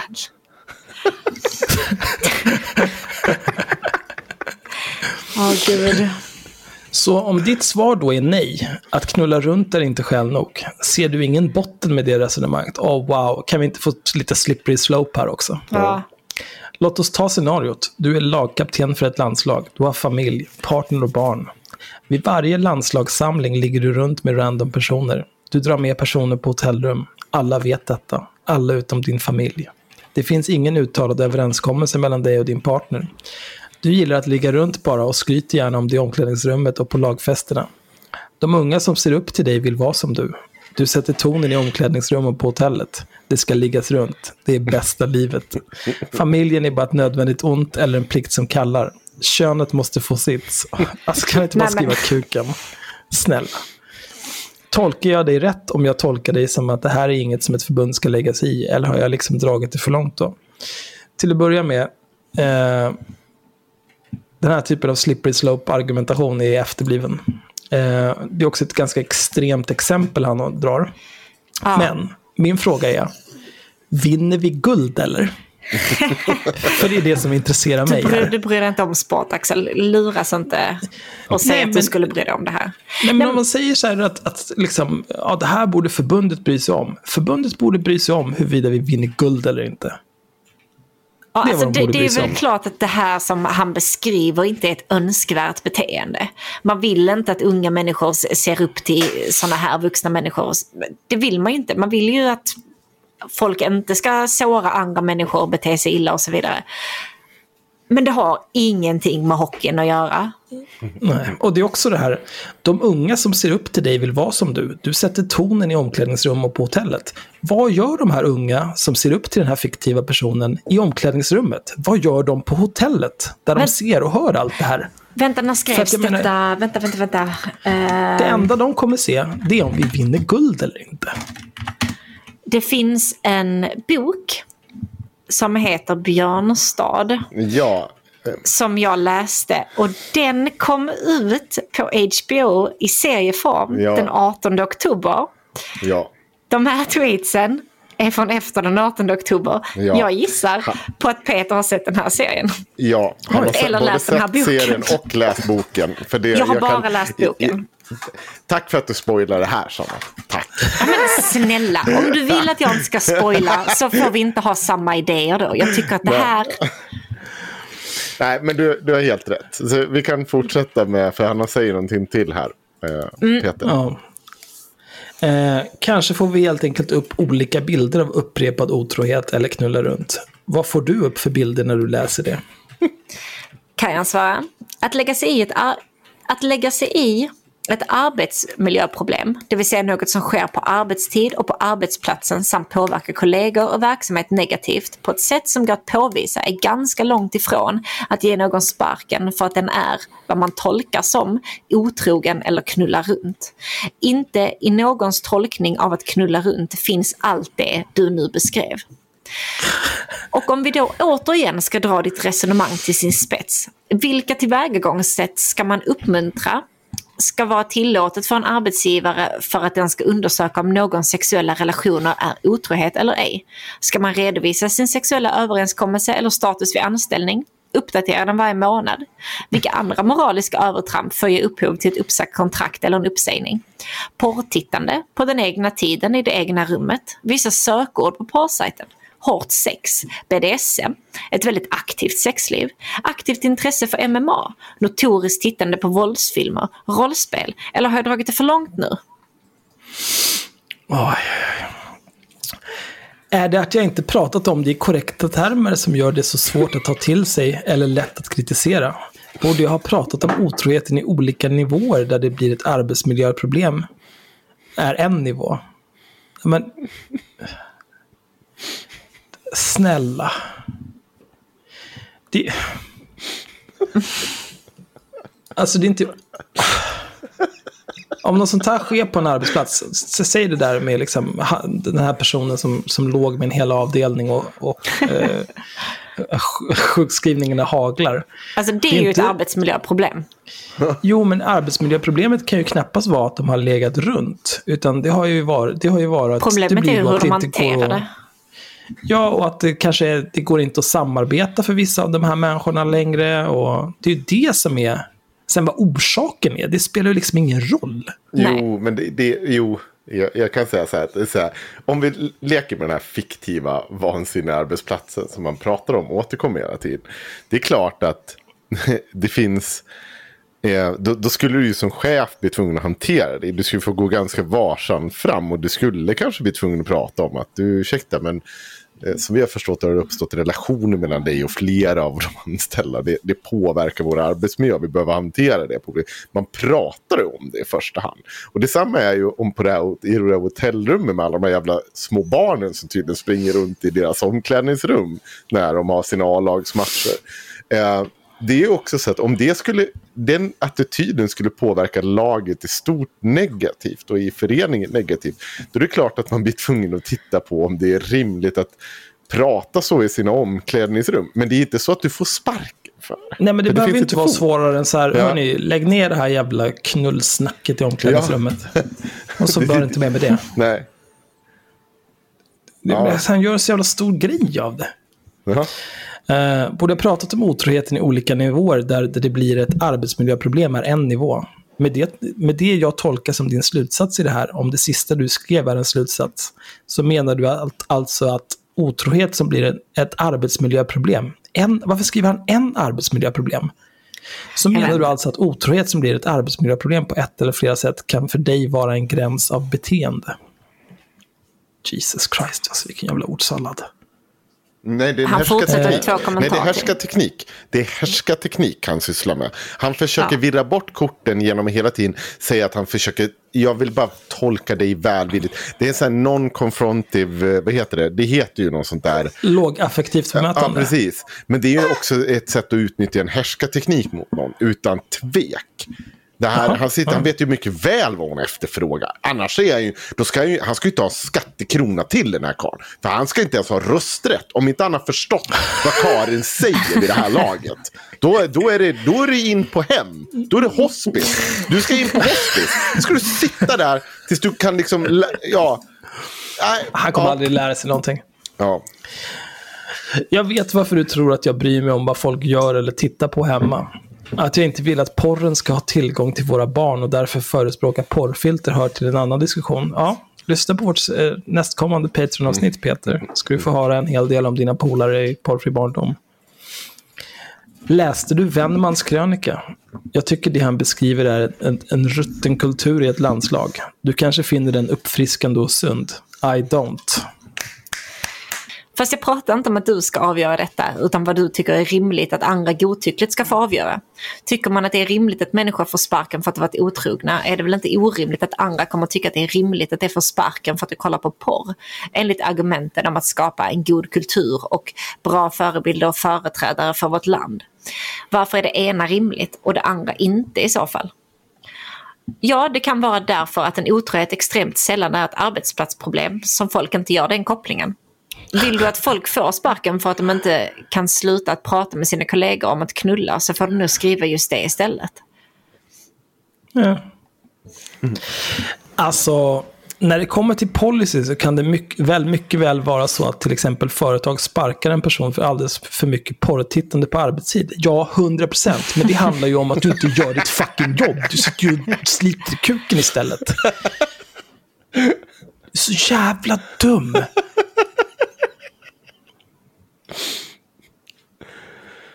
Alltså, jag, jag, jag kan inte läsa det här. Jag kan inte läsa den här skiten.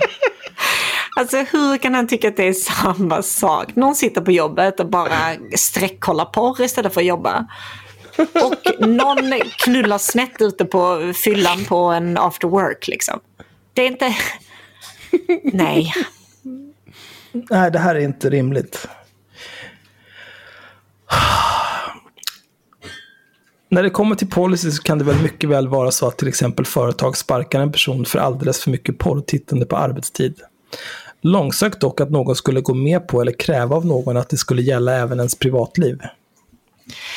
Men, men, men då om, eh, alltså, om den här jävla hockeyspelaren. Om han börjar Som- knulla på som isen orger. liksom. Ja, då kan vi ju snacka om det, för då gör han ju sitt, sitt jobb. Det blir inget jävla guld då.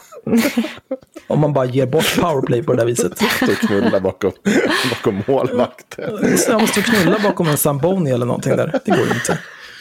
Men sen efter matchen, när han är tillbaka på hotellet, det är väl hans fritid. Då får han väl göra vad fan han vill då, eller? Alltså Peter får ju bestämma sig för, eller man kanske alltid jobbar när man är hockeyspelare, jag vet inte. Men på riktigt nu. Den enda anledningen du kan komma på till att varför jag inte håller med dig om vilka grunder det ska vara motiverat och applåderat att folk ska bli av med sina jobb är att jag tycker att den beskrivna kulturen är uppfisk, uppfriskande och sund. Tycker inte att den här diskussionen behöver sjunka till en så pass låg nivå. Alltså han kör så mycket med de här. Förra så var det börja med alltså, punkt. Vad, vad är det för skit? Och sen folk som skriver fast vänta nu när de inleder någonting. Det är också det är ett sånt otroligt rött skynke. Alltså vadå vänta nu? Jag tänker inte vänta. Nu svarar du din jävla råtta. Jag pausar Fast alltid när jag ser en sån kommentar. Fast vänta nu, så tar jag alltid en paus och kommer tillbaka en liten stund senare. Ja, för att du har gått slagit i en för att respektera kommentarskrivaren. Fast vänta nu, är det verkligen så det funkar? Om det är du som hoppar in i ett samtal eller börjar kommentera en text eller bild med massa förutfattade meningar om vad personen menar eller egentligen förespråkar, så är det väl inte också så att det är du som ska berätta för mig att ta ansvar för vad du utgått ifrån att jag menade? Snälla, kan jag ha ställt tusen fucking frågor till dig Peter som du konsekvent har vägrat att svara på? Ja. du, du liksom... Nej, det här går inte att snacka bort hur som helst. Jag har inte hört något. Vänta nu, det här låter fyrkantigt. Menar du verkligen? Du har hängt på andras idéer om vad jag menar och förespråkar utan att ens frågat. Hon har frågat tusen gånger, är du dum? Han svarar inte och dessutom står det vad han menar i Instagram-inlägget. Vem Han tyckte det var bra läsa att det. den där jävla japanska simman blev skickad åt Men, helvete. men sen också att han bara någon kommentar ovan skriver liksom, ah, är det för att jag inte skrev det på det här sättet som du inte förstår mig? Och nu är det helt plötsligt, nej men jag kan inte förstå dig för du frågar inte frågorna på rätt sätt. Det är också så jävla härskarteknik. Ja, alltså det här med... Alltså vissa människor måste man ju bara ge upp. det, det kan ju vara så liksom att man har... Eh, man har språket gemensamt. Eh, men, men man har liksom... Ja, vad ska, vad ska man kalla det? Man har liksom inte... Um, det, det, är för, det är en för djup och bred dal när det kommer till intelligensen. Alltså, jag tycker Och Kajan den, är den så... intellektuella hedligheten. Jag tycker Kajan är så jävla stark här. För att jag hade antingen behövt sjukskriva mig efter detta. Eh, eller så hade jag bara suttit och skrivit könsord i en lång radda till honom. Konstant i ett dygn liksom. Men ja. Kajan är väl en bättre person än vad jag är. Ja, tydligen. Jag har inte hört något. Vänta nu, det här låter fyrkantigt. Menar du verkligen? Du har hängt på andras idéer om vad jag menar och förespråkar utan att ens frågat. Bett mig redogöra för hur jag kan säga si eller så. Och jag har uppriktigt försökt förklara att det inte är så enkelt. Att, att det finns nyanser och att jag inte är det japanska simförbundet. Eller av åsikten att det kan överföras till vår kontext. Jag använde det igår som ett exempel på önskvärd tydlighet från deras kontext sett. Rimlig tydlighet. Och som kontrast till den ytterligheten delar jag en annan ytterlighet från 2005, väl beskriven i Wennmans text. Eh, och sen skriver han nej, det var tänkt som ett exempel på oliktänkande. Jag har ingen aning om vad han svarar på där. Nej. Den här frågan Ja, om att eh, den beskrivna kulturen är uppfriskande och sund. Mm. Eh, hoppar in i ett samtal. Du som opinionsbildare har lagt upp ett diskussionsinlägg som jag valde att diskutera under. Min första kommentar var en lång radda frågor kring ditt resonemang. Frågor du kunnat svara på när du ville. Hur är det förutfattade meningar? Jag har i princip inte gjort annat än att ställa frågor Peter, men du har valt att inte svara. Och jag har inte hoppat på någons idé om vad du menar. Det där var för övrigt otro- ordentligt nedvärderande. Utan är fullt kapabel till att läsa en text och bilda mig en egen uppfattning om den. Oj, oj, oj. Oj, eh, nu inleder Peter med en, eh, en emoji på en apa som håller för ögonen. Det, det där hade inte jag tagit. Det där är nedlåtande. Karin, jag vet inte om vi missförstår varandra, pratar om olika saker eller helt enkelt står så långt ifrån varandra som det verkar. Oavsett vad det är så är det svårt att nå fram till varandra. Nej, men det är inte svårt. Du, du, du är för dum. Du är för dum. Det där är ju så härskigt också. Så här. Nej men det är lite båda, vi når bara inte fram. Nej du är korkad Peter. Du borde inte... Nej, nej, nej, nej. Hem. An antingen klarar av... Antingen gör Men han svarar ju inte. Alltså, någon ställer direkta frågor till en om man vägrar svara på dem och sen låtsas man som att man inte förstår varandra, att det, att det har uppstått något slags missförstånd. Det är inte alls det. Du beter dig bara som en jävla apa. Det är vilket kolossalt jävla slöseri med tid att försöka diskutera med en sån här människa. Oavsett vad det är så är det svårt att nå fram till varandra. Jag har verkligen försökt att i kommentaren nyansera, svara eller ställa mig frågande till vart frågan ens kommer ifrån. Mer det senare för, jag, för att jag genuint uppfattar det som att det drivs teser om vad jag menar och säger byggda på tolkningar som jag inte riktigt kan omfamna. Det är inga tolkningar. Du har, fått, du har fått direkta frågor. Menar du så här? Och du har valt att inte svara. Om jag nedvärderade dig genom att skriva som jag gjorde så ber jag om ursäkt. Det var inte min mening, utan jag skrev som jag gjorde för att det var så det kändes. Som att jag blir fultolkad och sen blir det en sanning som drivs vidare på andra konton, som du själv sen drar vidare för att stärka din tes i det här kommentarsfältet. Tror du att jag har jobbat med det jag gör i snart tio år för att jag vill fördjupa otrohet? Är det för, förbjuda måste det ju vara han menar. Ja, han skriver det i nästa Ja. kommentar. Är det verkligen dit vi kommit för att vi tycker olika om porr och filter? Nej. Ah, Varför drar han in filter igen? Det är andra gången han försöker få det här till att handla om porrfilter nu. för- men det är ju för att han försöker dra på sig, vinna tillbaka publiken. Han tänker Ja. så här, ja okej, jag kan inte vinna det här för att jag har liksom blivit slaktad eftersom jag vägrar svara på direkta frågor och vägrar kännas vid min ursprungliga tes. Så nu ska jag försöka vinna tillbaka lite, lite folk här genom att börja prata om att Kajan är emot porrfilter. precis. Vilken jävla råtta. Nu kommer in en ny person. Som heter Ambis 90. Problemet är att du i och med din frågeställning utgår ifrån att din egen moraliska kompass sannolikt är den som majoriteten skriver under på. Det är inte alls säkert att alla hockeyspelarna i krönikan eller deras partners tycker att det är minsta fel att vara otrogen. Anledningen till att vi överhuvudtaget har lagar i Sverige är för att vi alla har olika moraliska kompasser. Lagarna är regler där vi gemensamt kommit överens om vad som är inte okej att göra i samhället, oavsett moralisk kompass. Det är både farligt och kränkande att börja experimentera med förbud och repressalier mot handlingar som inte är förbjudna enligt lag och som dessutom har något att göra med eh, personers arbetsinsatser som, är det, som i detta fall är att spela hockey.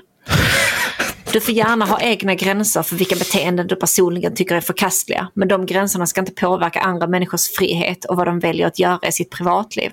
Även fast du säger att det inte finns något enkelt svar på frågan om var gränsen går, så visar du ändå din så visar ändå din frågeställning att det kanske ändå är okej okay att tränga sig in i folks privatliv enbart baserade på din personliga moraliska kompass. Annars hade du inte ställt frågan. Och här kommer in en, en ny kämpe, Finn-Jonna. Ursäkta mig nu, men jag får ett litet spel på dig. Läs och lyssna.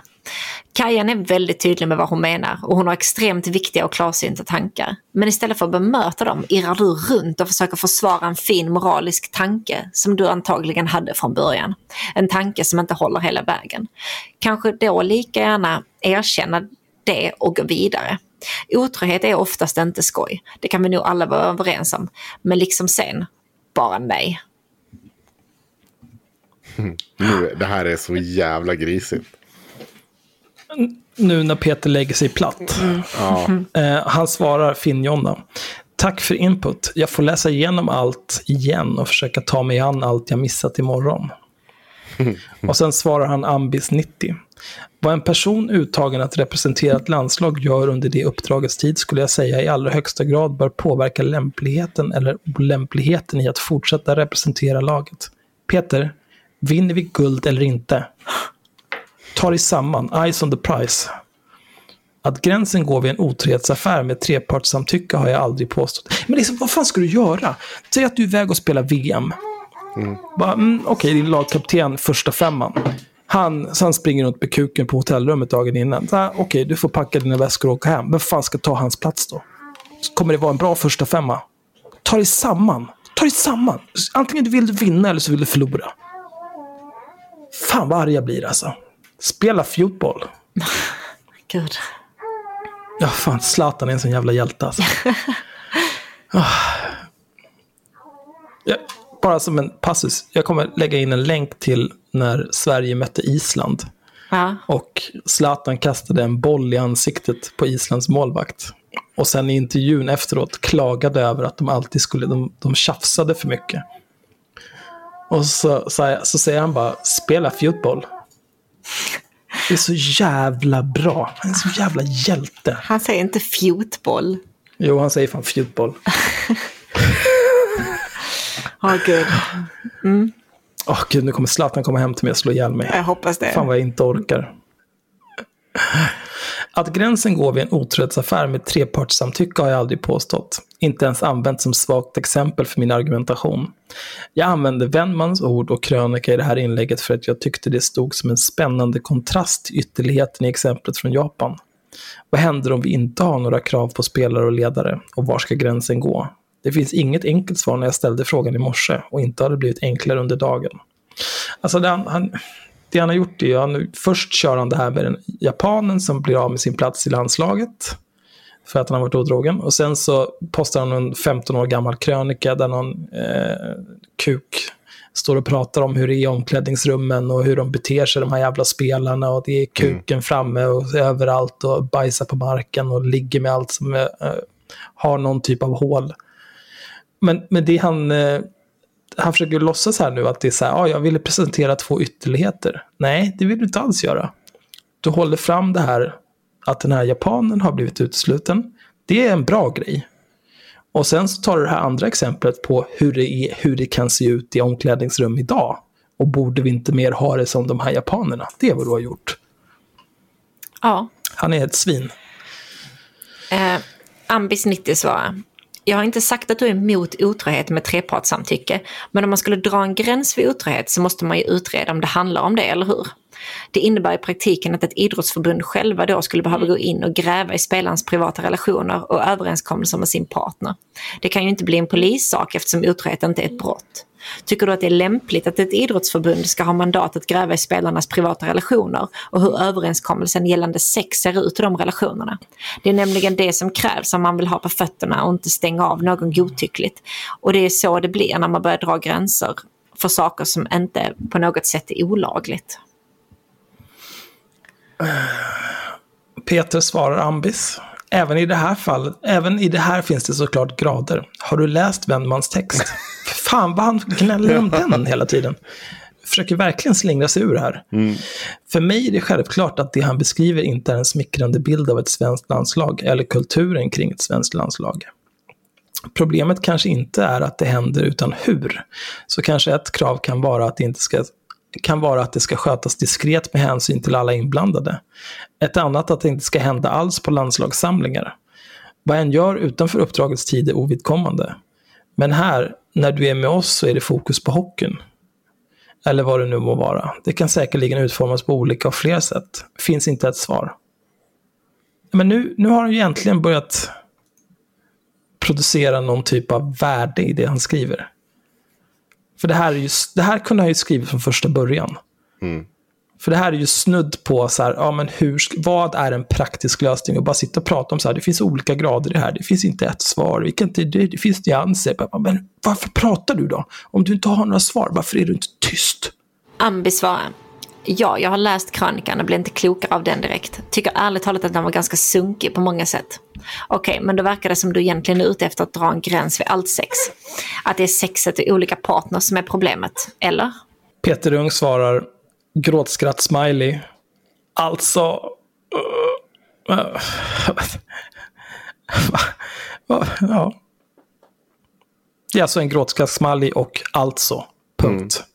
Det är hans svar. Eh, ja, hur ska de annars göra för att ta reda på om det är otrohet eller, in, eller inte utan att inskränka i spelarnas privatliv? För övrigt jävla otrevligt att göra den emojin åt mig när jag försöker förstå vad det är du menar. Något du har bett om att andra i tråden ska göra innan de antar saker. Inte okej. Okay. Och Peter svarar, som kontrast till exemplet med det japanska simförbundet gav jag ytterligheten av kultur som vänstern beskriver som ett annat exempel på ytterlighet. Men varför skrattar du åt att jag tolkar dig som du anser att det går någon gräns vid många sexpartners. Det är det Wenstams artikel handlar om. Problemet är inte alls det, utan hur det gått till och vart det gått till. Vilka de är, spelarna, och utifrån vilken position de beter sig som de gör. Det är vad jag uppfattar att Wenstam problematiserar.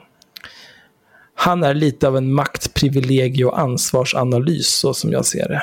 What the fuck does that even Nu skriver Carpe Diem-häxan Gråtskratt-smiley är lika med härskarteknik. Jag brukar ofta känna så här om, om, någon, om man pratar med någon och de börjar eh, ge en gråtskratt-smileys, då vet jag.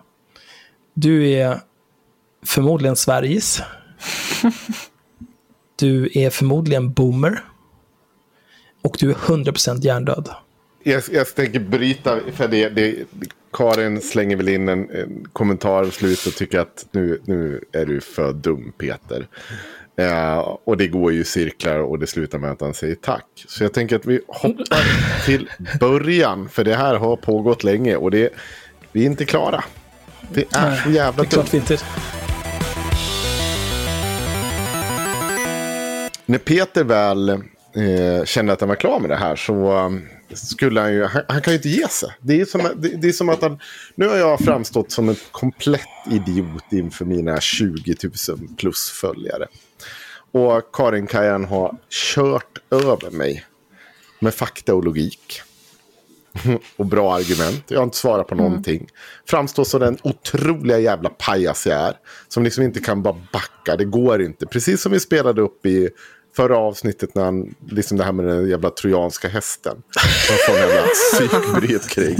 Det, det, bara, det bara tar inte slut. Han kan inte sluta. Nej, men då är det en trojansk häst. Nej, det är inte det Peter. Du är för korkad bara. Eh, men då har han i alla fall eh, har han gjort det med lite inlägg om att han är fultolkad och så här. Men Han skriver också så här i ett senare inlägg. För tydlighetens skull. Jag hade inte för avsikt att diskutera huruvida otrohet är okej eller inte. Jag ska däremot inte låtsas om som att jag inte tycker att otrohet kan och ibland bör problematiseras. För det tycker jag. Eh, det jag med mina två tidigare inlägg ville diskutera var gränsen kan gå, om det finns. För när vi passerat ett bäst före-beteende som förebilder, finns det några sådana beteende? Finns det en gräns? Både ja och nej. Och nu, det, här, det är som att han ska få Det- låta det- filosofiskt, det det- är bara trams. Det här säger ju ingenting, det är bara en massa ord. Man drar de här jävla kylskåpsmagneterna ner i en jävla skål, ruska och kasta ut på golvet. Som har läst dem stammande. Det finns uppförandekoder, värdegrunder, policy och lika behandlingsplaner. AIK har AIK-stilen. Det är olika sätt att berätta vad vi önskar och förväntar oss av varandra. Hittills har jag inte haft något uppdrag där otrohet stod som varken önskvärt eller oönskat beteende. Nej, för vi lägger oss inte i det Peter. Det är inte riktigt den saken vi lägger oss i som arbetsgivare. Men däremot har jag haft ett case där någon sexuella mönster blivit direkt eller indirekt problem för individen eller grupp, individ och organisation. Det är ingen enkla frågor och därför finns det heller inga enkla svar. Kanske inte ens en enda givet svar utöver det äh, utöver att det är svårt och behöver anpassas efter omständigheterna med hänsyn till alla inblandade. Precis som vi sa och som Karin Kajan har påtalat. Och så skriver han, på temat. Kunde Malmö FF eller Sirius gjort mer för att spelarna vars karriärer rörde lades på hemmaplan efter att ha dömts för våldtäkt på barn? I deras värld dejtar de bara lite efterhängsna och målmedvetna tjejer. Vad hade de behövt för att, för att ta andra beslut och hade fotbollen verkligen kunnat bidra till det? Ja, det är min övertygelse. Och då är vi alltså inne på, vad var temat vi var inne på? Otrohet va? Ja, och det är på temat knulla barn. Ja, men, men det där togs ju upp i tråden också. Att flera gånger att så här, nej det är klart att du inte kan göra saker som är olagliga. Som att knulla barn. Ja? Så det här är, det här är ju inte, han fortsätter ju bara och är lika jävla bränd nu. ja. Och då tänker jag att vi ska scrolla ner till sidan eh, fem. Åh gud, varför tar det här aldrig slut? Tre, fyra, fem. Och så här är det är du som är vardagsrasismen, alltså Paula. Ja, jag är Varför Paula. måste jag vara Peter? Nej, ja du är Peter. Därför du är sån. du är Fan. Jag är Paula. Så, allt denna debatt, all denna debatt och sen får du ändå till det att våldtäkter på barn, övergrepp och våld är på temat otrohet. Hur exakt hur är det samma tema att diskutera om arbetsgivare ska ha uppförandekoder som förbjuder otrohet och att försöka förhindra våldtäkter på barn, misshandel och så vidare? Otrohet är inte olagligt. Tidelag, våldtäkter på barn, våldtäkter av vuxna, sexuella övergrepp och misshandel är alla saker som är olagligt. Det är lika mycket på temat som att hoppa från frågan om arbetsgivare ska sparka personer som varit otrogna, som att fråga om någon verkligen ska tappa jobbet av att mörda sin chef. Det är inte orimligt, det hon skriver här. Nej. Eh, jag vet inte om det är att du läser det jag skriver konstigt, men jag har aldrig likställt utan frågat var gränserna går. Du, på temat skrev... Alltså, Ja. han måste sluta med det här. Jag orkar inte.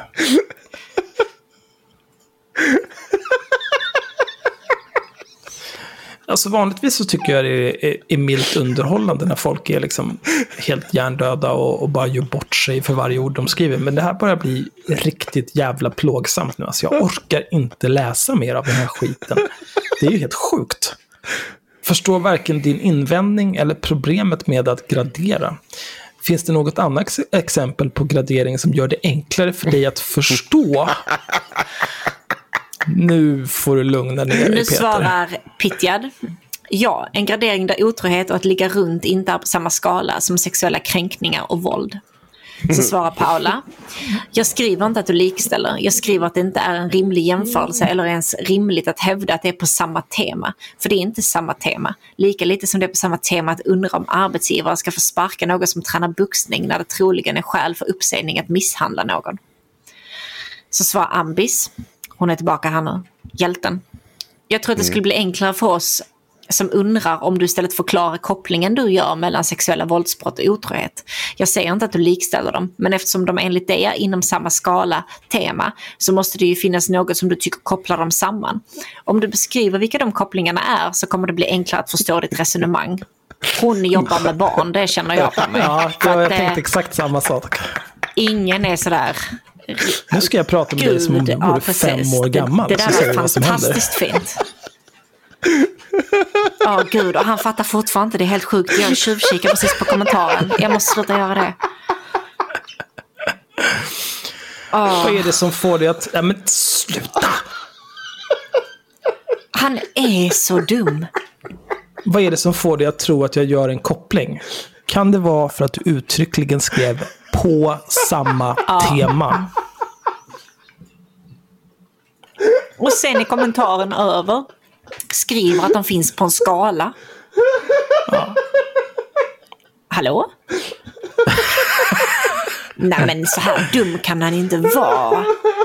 Snart kommer han ut med att det här är ett konstprojekt alltså, för det här finns Ja, jag ingen chans. det. Det, skulle Jag inte vara hoppas första gången någon är med i Big Brother och gör bort sig och sen kommer ut som konstprojekt liksom. Det är klart. Nej. Vad är det som får dig att tro att jag gör en koppling? Jag presenterar en rad olika beteenden om vart en gräns går för vad som är okej. Ett liknande exempel skulle kunna vara, var går gränsen för bra tv för dig? Men sluta! Komedi, action, dokumentär, drama. Nej, för de är alla genrer av tv. Jo, men det är ju liksom en, det Våldtäkt är ju en barn preferens och otrohet är inte i samma genre. Nej, Ja, nej. Eller alltså, det är inte... Nej, snälla. Det är liksom inte, det är inte en subjektiv preferens om man föredrar att eh, liksom, någon är otrogen med en eller att man blir våldtagen. På samma vis som det är så här, jag tycker om actionfilmer. Du får fan ge dig Peter. Nu är du dum. Jag är så jävla glad Nej. att ni inte har läst det här. Och att jag har suttit och läst det här en gång och fått den här exakta hjärnblödningen. Och sen, varför, jag tvingar er att göra Jag hatar dig Henrik. Du gör det här ofta. Håller saker hemligt och bara nu ska ni få se. Och sen så vill du få vår stroke rekorderad. Rekorderad? Ja, kolla, jag är på riktigt. Ja, du Jag inte är helt dum i huvudet nu. Okej, Ambis är tillbaka. Ja, Hon, den här fantastiska Hjälten. rösten i kaoset. Förskolepedagogen. nu kommer hon. Men du skrev ju fyra inlägg upp att du inte förstår Paulas invändning att gradera. Om olika fenomen ska graderas så måste det ligga på samma skala. Och för att ligga på samma skala måste det finnas en koppling mellan fenomenen. Du skrev även i inlägget till den här tråden att otrohet och sexuellt våld är på temat. Otroligt pedagogiskt. Ja, Sorry, miss, missförstår jag något väsentligt här? Jag trodde gradera betydde att värdera saker på olika sätt. ja det här Typ är trojansk gräns. häst all over igen. Alltså, han, Tänker ändå liksom att ha ett Instagramkonto med tiotusentals följare, en podd som säkert en hel del människor lyssnar på. Och liksom allt man säger, det visar sig bara vara helt värdelöst för att man inte förstår vad ord betyder. Alltså vi, och ord har betydelse. Det är liksom, det är väldigt viktigt. Ja, vi tar det här. Sorry, missförstår jag något väsentligt här? Jag trodde gradera betydde att värdera saker på olika sätt. Det gör det. Typ min gräns går vid sexistiska skämt. Där säger jag stopp. Någon annans gräns går vid besök på strippklubb. Där säger en stopp och så vidare. Men jag har kanske missförstått vad gradera betyder. Nej, det har du inte, men du, du, du snackar skit om att det var det här du menar. Med på temat så menade jag på temat värdegrundsarbete. Borde jag menat något annat? Ingen, ingenstans här uppe, ingenstans står det någonting om något jävla värdegrundsarbete. Äh. Alltså jag tror det är hela grejen han beskriver, liksom. hur bör du arbeta med din klubbs värdegrund för att sådana här saker inte ska hända. Och med sådana här saker menar han otrohet och barnvåldtäkt. Men absolut, Ambis. Då har du nog en ganska fundamentalt annorlunda syn på vad gradering av något innebär, från mig i alla fall. Om jag ska till exempel gradera vilka maträtter jag tycker bäst respektive sämst om så kommer ju listan bestå av just olika maträtter. Det blir väldigt underligt om man slänger in något som inte är en maträtt i listan, typ skohorn. Folk kommer troligtvis att tolka som att jag ser skohorn som något ätbart och fråga hur jag kan koppla ihop ett skohorn med maträtter. Konstigt exempel, men ja. Alltså. Vi får googla på varsitt håll då och se vem som är närmst. Nu förstår jag inte. Närmst vad då? Att förstå konceptet gradering.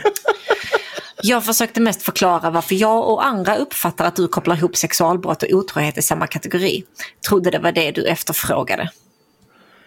Så nu är det inte min uppfattning om vad gradering är som är svårt att förstå utan vad jag har på skalan. Gud. Okej. Alltså det här med att missförstå med vilje som han gör, det är typ den värsta sortens härskarteknik. Alltså man kan, man kan inte diskutera med det här. Det går inte. Alltså till sist så kommer man ju bara behöva gå och upprepat slå huvudet i en vägg. Det finns ju inget annat. eh, Alltså, vi behöver ringa Föredrags, Ambis föredragsvis föräldrar. Peters huvud i en vägg. Ja, men vi behöver ringa hennes föräldrar så att de kan kolla så att hon är okej. för att det här ska ingen behöva utstå. Kajans också, Paulas också. Vi ringer alla. Det här får vi lösa. Okej.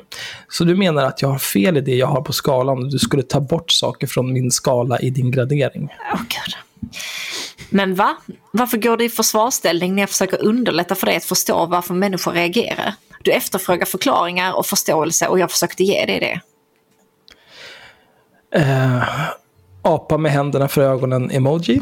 Vad var försvarsställningen? Jag försöker förstå vad du vill säga. Och undrar om det du försöker berätta för mig är att du och andra anser att jag inte skulle haft en skala med de alternativen. För när jag har det så tolkar människor som att jag... Vadå?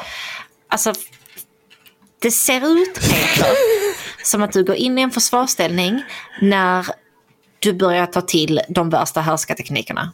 Då ser du väldigt försvarsställnigig ut. Ambis.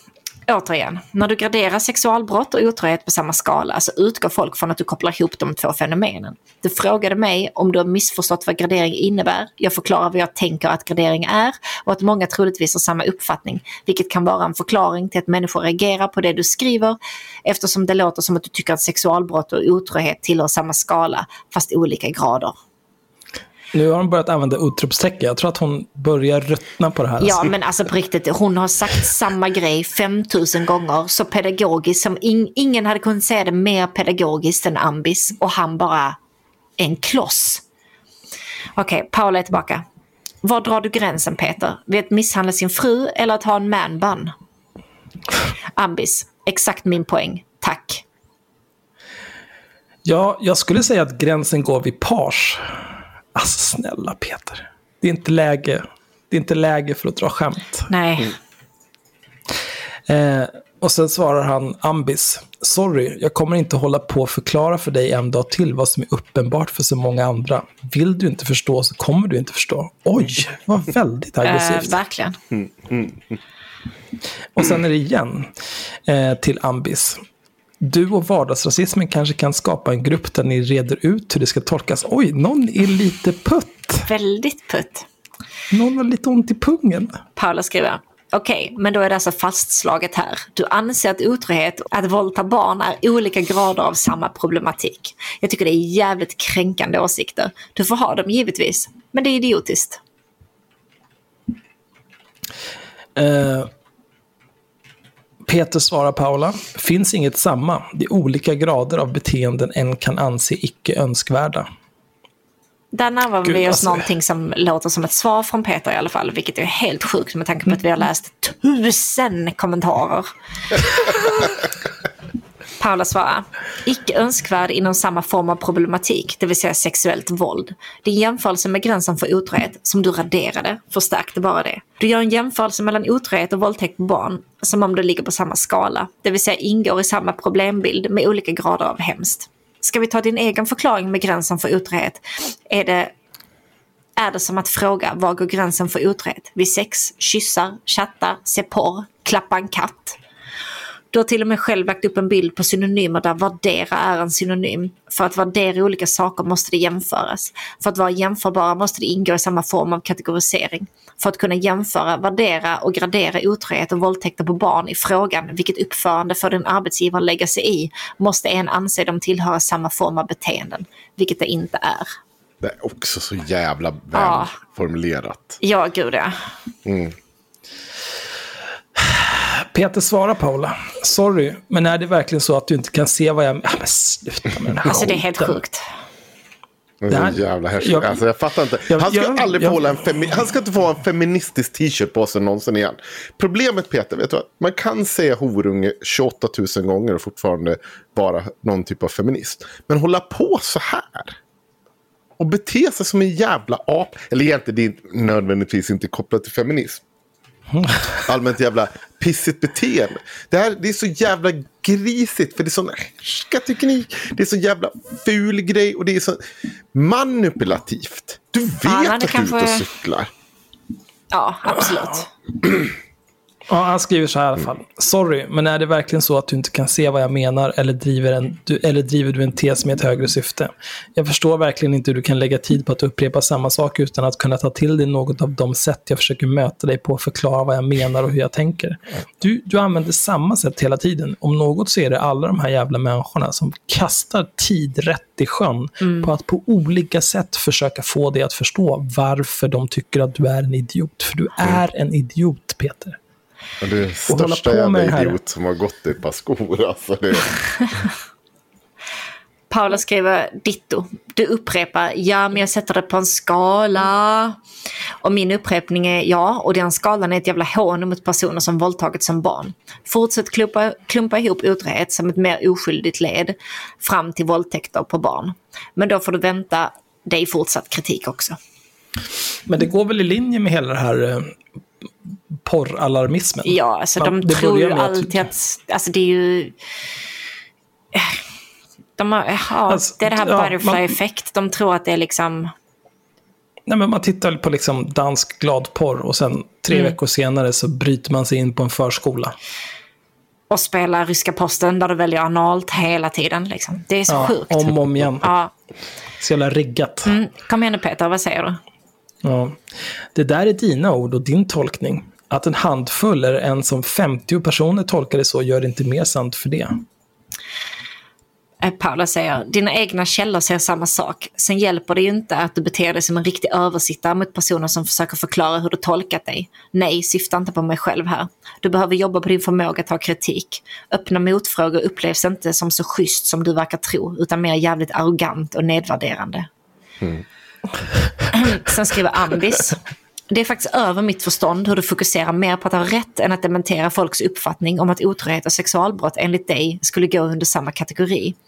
Och om det är så att du tycker att de går under samma kategori, säg det då. Du använder en oerhört ohederlig debattteknik som ärligt talat förvånar mig med tanke på din image och vad du sysslar med. Det är extremt respektlöst att gång på gång vifta bort folks ansträngningar för att bemöta dina frågeställningar genom ständiga motfrågor och anklagelser om fultolkning. Om jag vore du skulle jag fundera över hur du bemöter människor som du vill förs- som vill förstå vad du menar och som inte håller med dig. Framförallt om du vill behålla din trovärdighet som feministisk opinionsbildare. Hon fortsätter. Det är för övrigt bisarrt att du ens pratar om sexuellt våld som ett icke önskvärt beteende. Sexuellt våld är ett allvarligt brott med tanke på fruk- med fruktansvärda konsekvenser för den som blir utsatt och inte något random oönskat beteende. Eh, Peter svarar Ambis. Ja, allt kan verkligen vridas och vändas på. Grattis. Och så svarar han igen. Och det här... Åh. Jag har glömt bort, jag har glömt bort vad det är du inte förstått. Hur kan du skriva så här? Det här är det drygaste jag har sett. Verkligen. Är det att jag pratar värdegrund och vart gränser går för när någon inte längre är en förebild och att du pratar om vad som är ett brott eller inte? Ja, gud, vem är det som inte har förstått här? Alltså han är så sjuk i huvudet. Ambi, sätter, Ambi svarar. Jag har på riktigt ansträngt mig för att försöka förklara för det vad jag anser och varför jag tror att jag och andra reagerar starkt på saker du yttrat. Jag, är, jag har enbart blivit bemött med motfrågor och härskartekniker från ditt håll, vilket har förvånat mig med tanke på hur du framställer dig själv både på Instagram och i podden, där ni pratat mycket om ansvar och att kunna reflektera över sitt eget beteende när man får kritik. Du är hemskt välkommen att läsa vad jag skrivit i trådarna själv, för jag upplever inte att det är någon idé att anstränga mig mer och riskera att bli förlöjligad.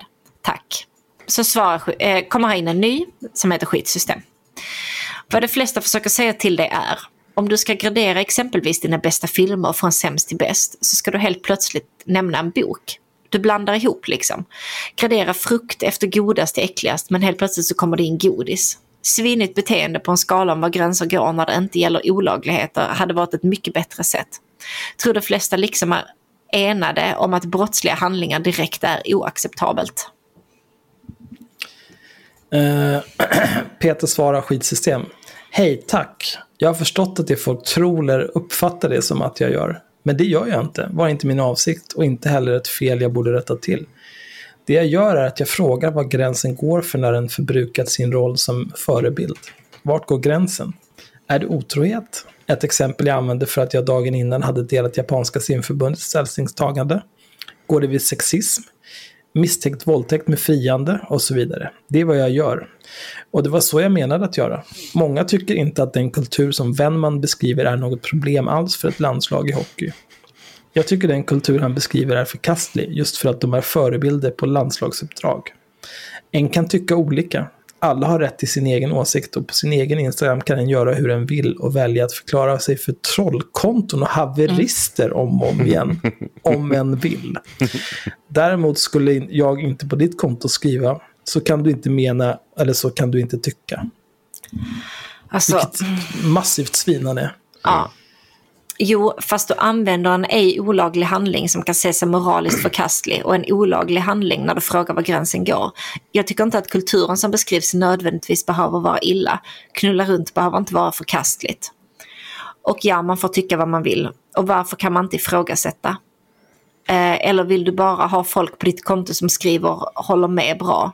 I så fall är det ju meningslöst att lägga ut sånt här om du inte får folk som har andra åsikter. Och Peter Dung svarar, det behöver det inte vara. Håller helt med. Och nu är vi äntligen klara. Mm. Jag, ska, jag, ska, läsa en sista kommentar från Ina Rung. Ändå sjukt att det fortfarande läses som att du någonsin skulle ha satt lika med tecken mellan otrohet och övergrepp. Får mig att fundera på läskunnigheten och villigheten att läsa en hel post. Vi läste ju hela på samma tema. Det stod på en egen rad. Jag fattar mm. inte.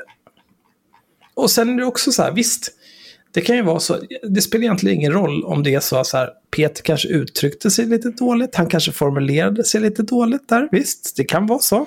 Det kan också vara så att så här, alla människor som har kommenterat här, vi inkluderat, vi missförstod Peter. Så kan det vara, vi kanske, det kanske är vi som är dumma i huvudet. Mm. Men säg då bara direkt vad det var du menar istället för att hålla på och tjafsa. Ja, det här var, det var mycket text och man får mycket hjärnblödning av det. Det är, alltså det är så jävla... det är så jävla dumt där. Det är jättemånga hjältar som har varit inne och försökt prata med honom. Men han är, han är, det är bara...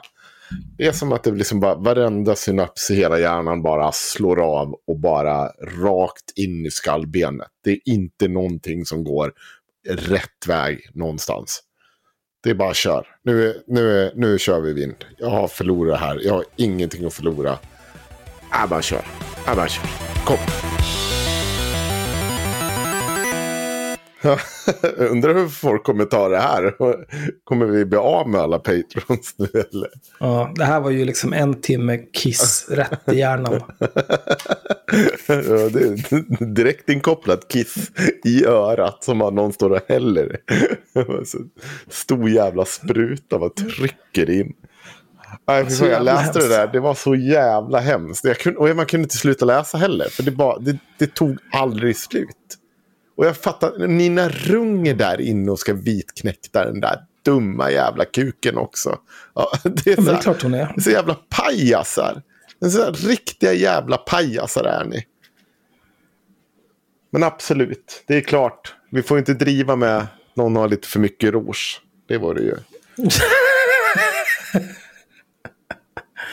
Ja, nu får vi nästan vara klara. Jag tänkte bara... um, jag tänkte avsluta med veckans Sissi. Eh, det här postade Sissi den 19 oktober. Eh, det är den här kvinnan eh, som kommer från Skottland eller Irland eller någonting. Som eh, har blivit åtalad för förtal. För att hon eh, namngav någon som hon påstod har våldtagit henne. Eh, och då skriver Cissi så här. Imorgon får blaha blaha sin dom från Södertörns tingsrätt. Förtalade hon sin förövare när hon namngav honom på sitt inte särskilt stora Instagramkonto förra hösten? Hur många tiotusenlappar måste hon i så fall betala honom? Villkorlig dom, precis som jag. En dom som säger aja baja, gör du om det där kan det bli fängelse. Att ett land som Sverige kan sätta annars helt laglydiga kvinnor som anmält övergrepp i fängelse. Sug på den markeringen. Eh, det stora problemet här är ju som vanligt att Cissi är helt hjärndöd. Eh, att ett land som Sverige kan sätta annars helt laglydiga kvinnor som anmält övergrepp i fängelse. Det, det är inte anmälningen av något övergrepp som det här handlar om. Det handlar om att peka ut personer som inte är dömda för något brott som brottslingar. Det är ju det som är som tar ihop alla de här människorna vi diskuterar i podden. Det är att de är så jävla oärliga. Vrider och vänder på allting så att det passar dem och fulmålar och fultolkar allt vad de kan. Och, Oh. Om man har, nu har hon ju 95 000 följare och sånt där. Uh, men är, det, är det en bra sak att säga till folk? Att man kan bli satt i fängelse för att man anmäler ett övergrepp? Det där tar ju vi faktiskt upp flera gånger, de här inledande granskningarna av henne. Att hon hela tiden återkommer till det här att skrämseltaktiken, eller skräm, eh, hon hela tiden påtalar att du kan bli dömd för det här om du gör så här. Så att det är frågan om, liksom så här, vinner du någonting på att sitta och gagga så här eller gör du bara att folk är rädda för att anmäla? Ja, jag, vet inte, jag tycker inte att det är en bra idé att ljuga om vad, vad som kan rendera fängelsestraff. Inte när det finns så få som faktiskt vågar anmäla våldtäkt också. Alltså, Ja, bra Cissi, du är duktig. tack för det här. Ja. Ska vi göra en shoutout till vår, vi har fortfarande merch ni kan handla. Som Kristoffer Svanström fixar åt oss. Det kan ni göra på, gå in på spreadshirt slash haveristerna va? Något sånt där. Ja, något- Sök Det finns en länk. Det finns en länk, du behöver inte oroa dig. Bli Patreons, ni har jättebra content om porrfri barndom där i. Eh, och ni har väl, vad är det, 40-41 avsnitt till. Superbra content. Framförallt alltså avsnittet om porrfri barndom, det är en riktig banger. nu händer det. Eh, vi, I avsnitt 59 så touchar vi ju lite lätt på att de är... Eh, Elsa Lantz har en, en speciell relation till sanningen. När hon till exempel pratar om att hon har eh, suttit i telefon med någon chef på McDonalds. Frågat om de har porrfilter och fått nej. Och så ber han att få återkomma. Ett par timmar senare hör han av sig och säger nu har vi porrfilter på alla restauranger. Och det har de inte alls. Men tydligen är det här något som ska ha hänt. Eh, det tyckte jag var lite intressant. Men eh, det blir så otroligt mycket värre i vårt Patreon-avsnitt. Ja, det är, jag är stolt över det. det. Vi pratade om vilka som har varit våra bästa. Det här kommer vara ett bra gräv. Det kommer absolut vara ett toppgräv. Det, om de blir anlitade för skattepengar igen efter det där, då, vet- då vet jag fan inte vad jag gör. Alltså, då tänder jag eld på mig själv. Flytta utomlands. Eh, Okej, bra. Eh, det här var det 92 avsnittet av Haveristerna. Eh, nu ska vi gå och lägga oss. Ja. Men innan vi går och lägger oss ska vi bestämma när vi ska spela in i november. Yes. Eh, men det slipper ni höra. Kul för er. Eh, ha det bra. Hej.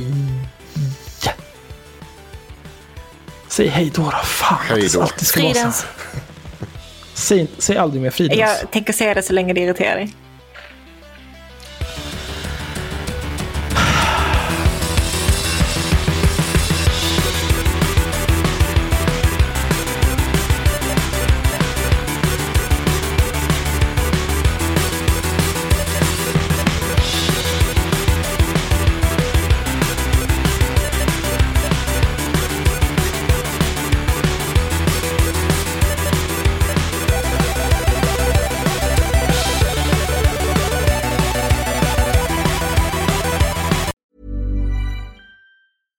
Catch yourself eating the same flavorless dinner three days in a row? Dreaming of something better? Well, HelloFresh is your guilt-free dream come true, baby. It's me, Gigi Palmer. Let's wake up those taste buds with hot, juicy pecan-crusted chicken or garlic butter shrimp scampi. Mm. Hello Fresh. Stop dreaming of all the delicious possibilities and dig in at HelloFresh.com. Let's get this dinner party started.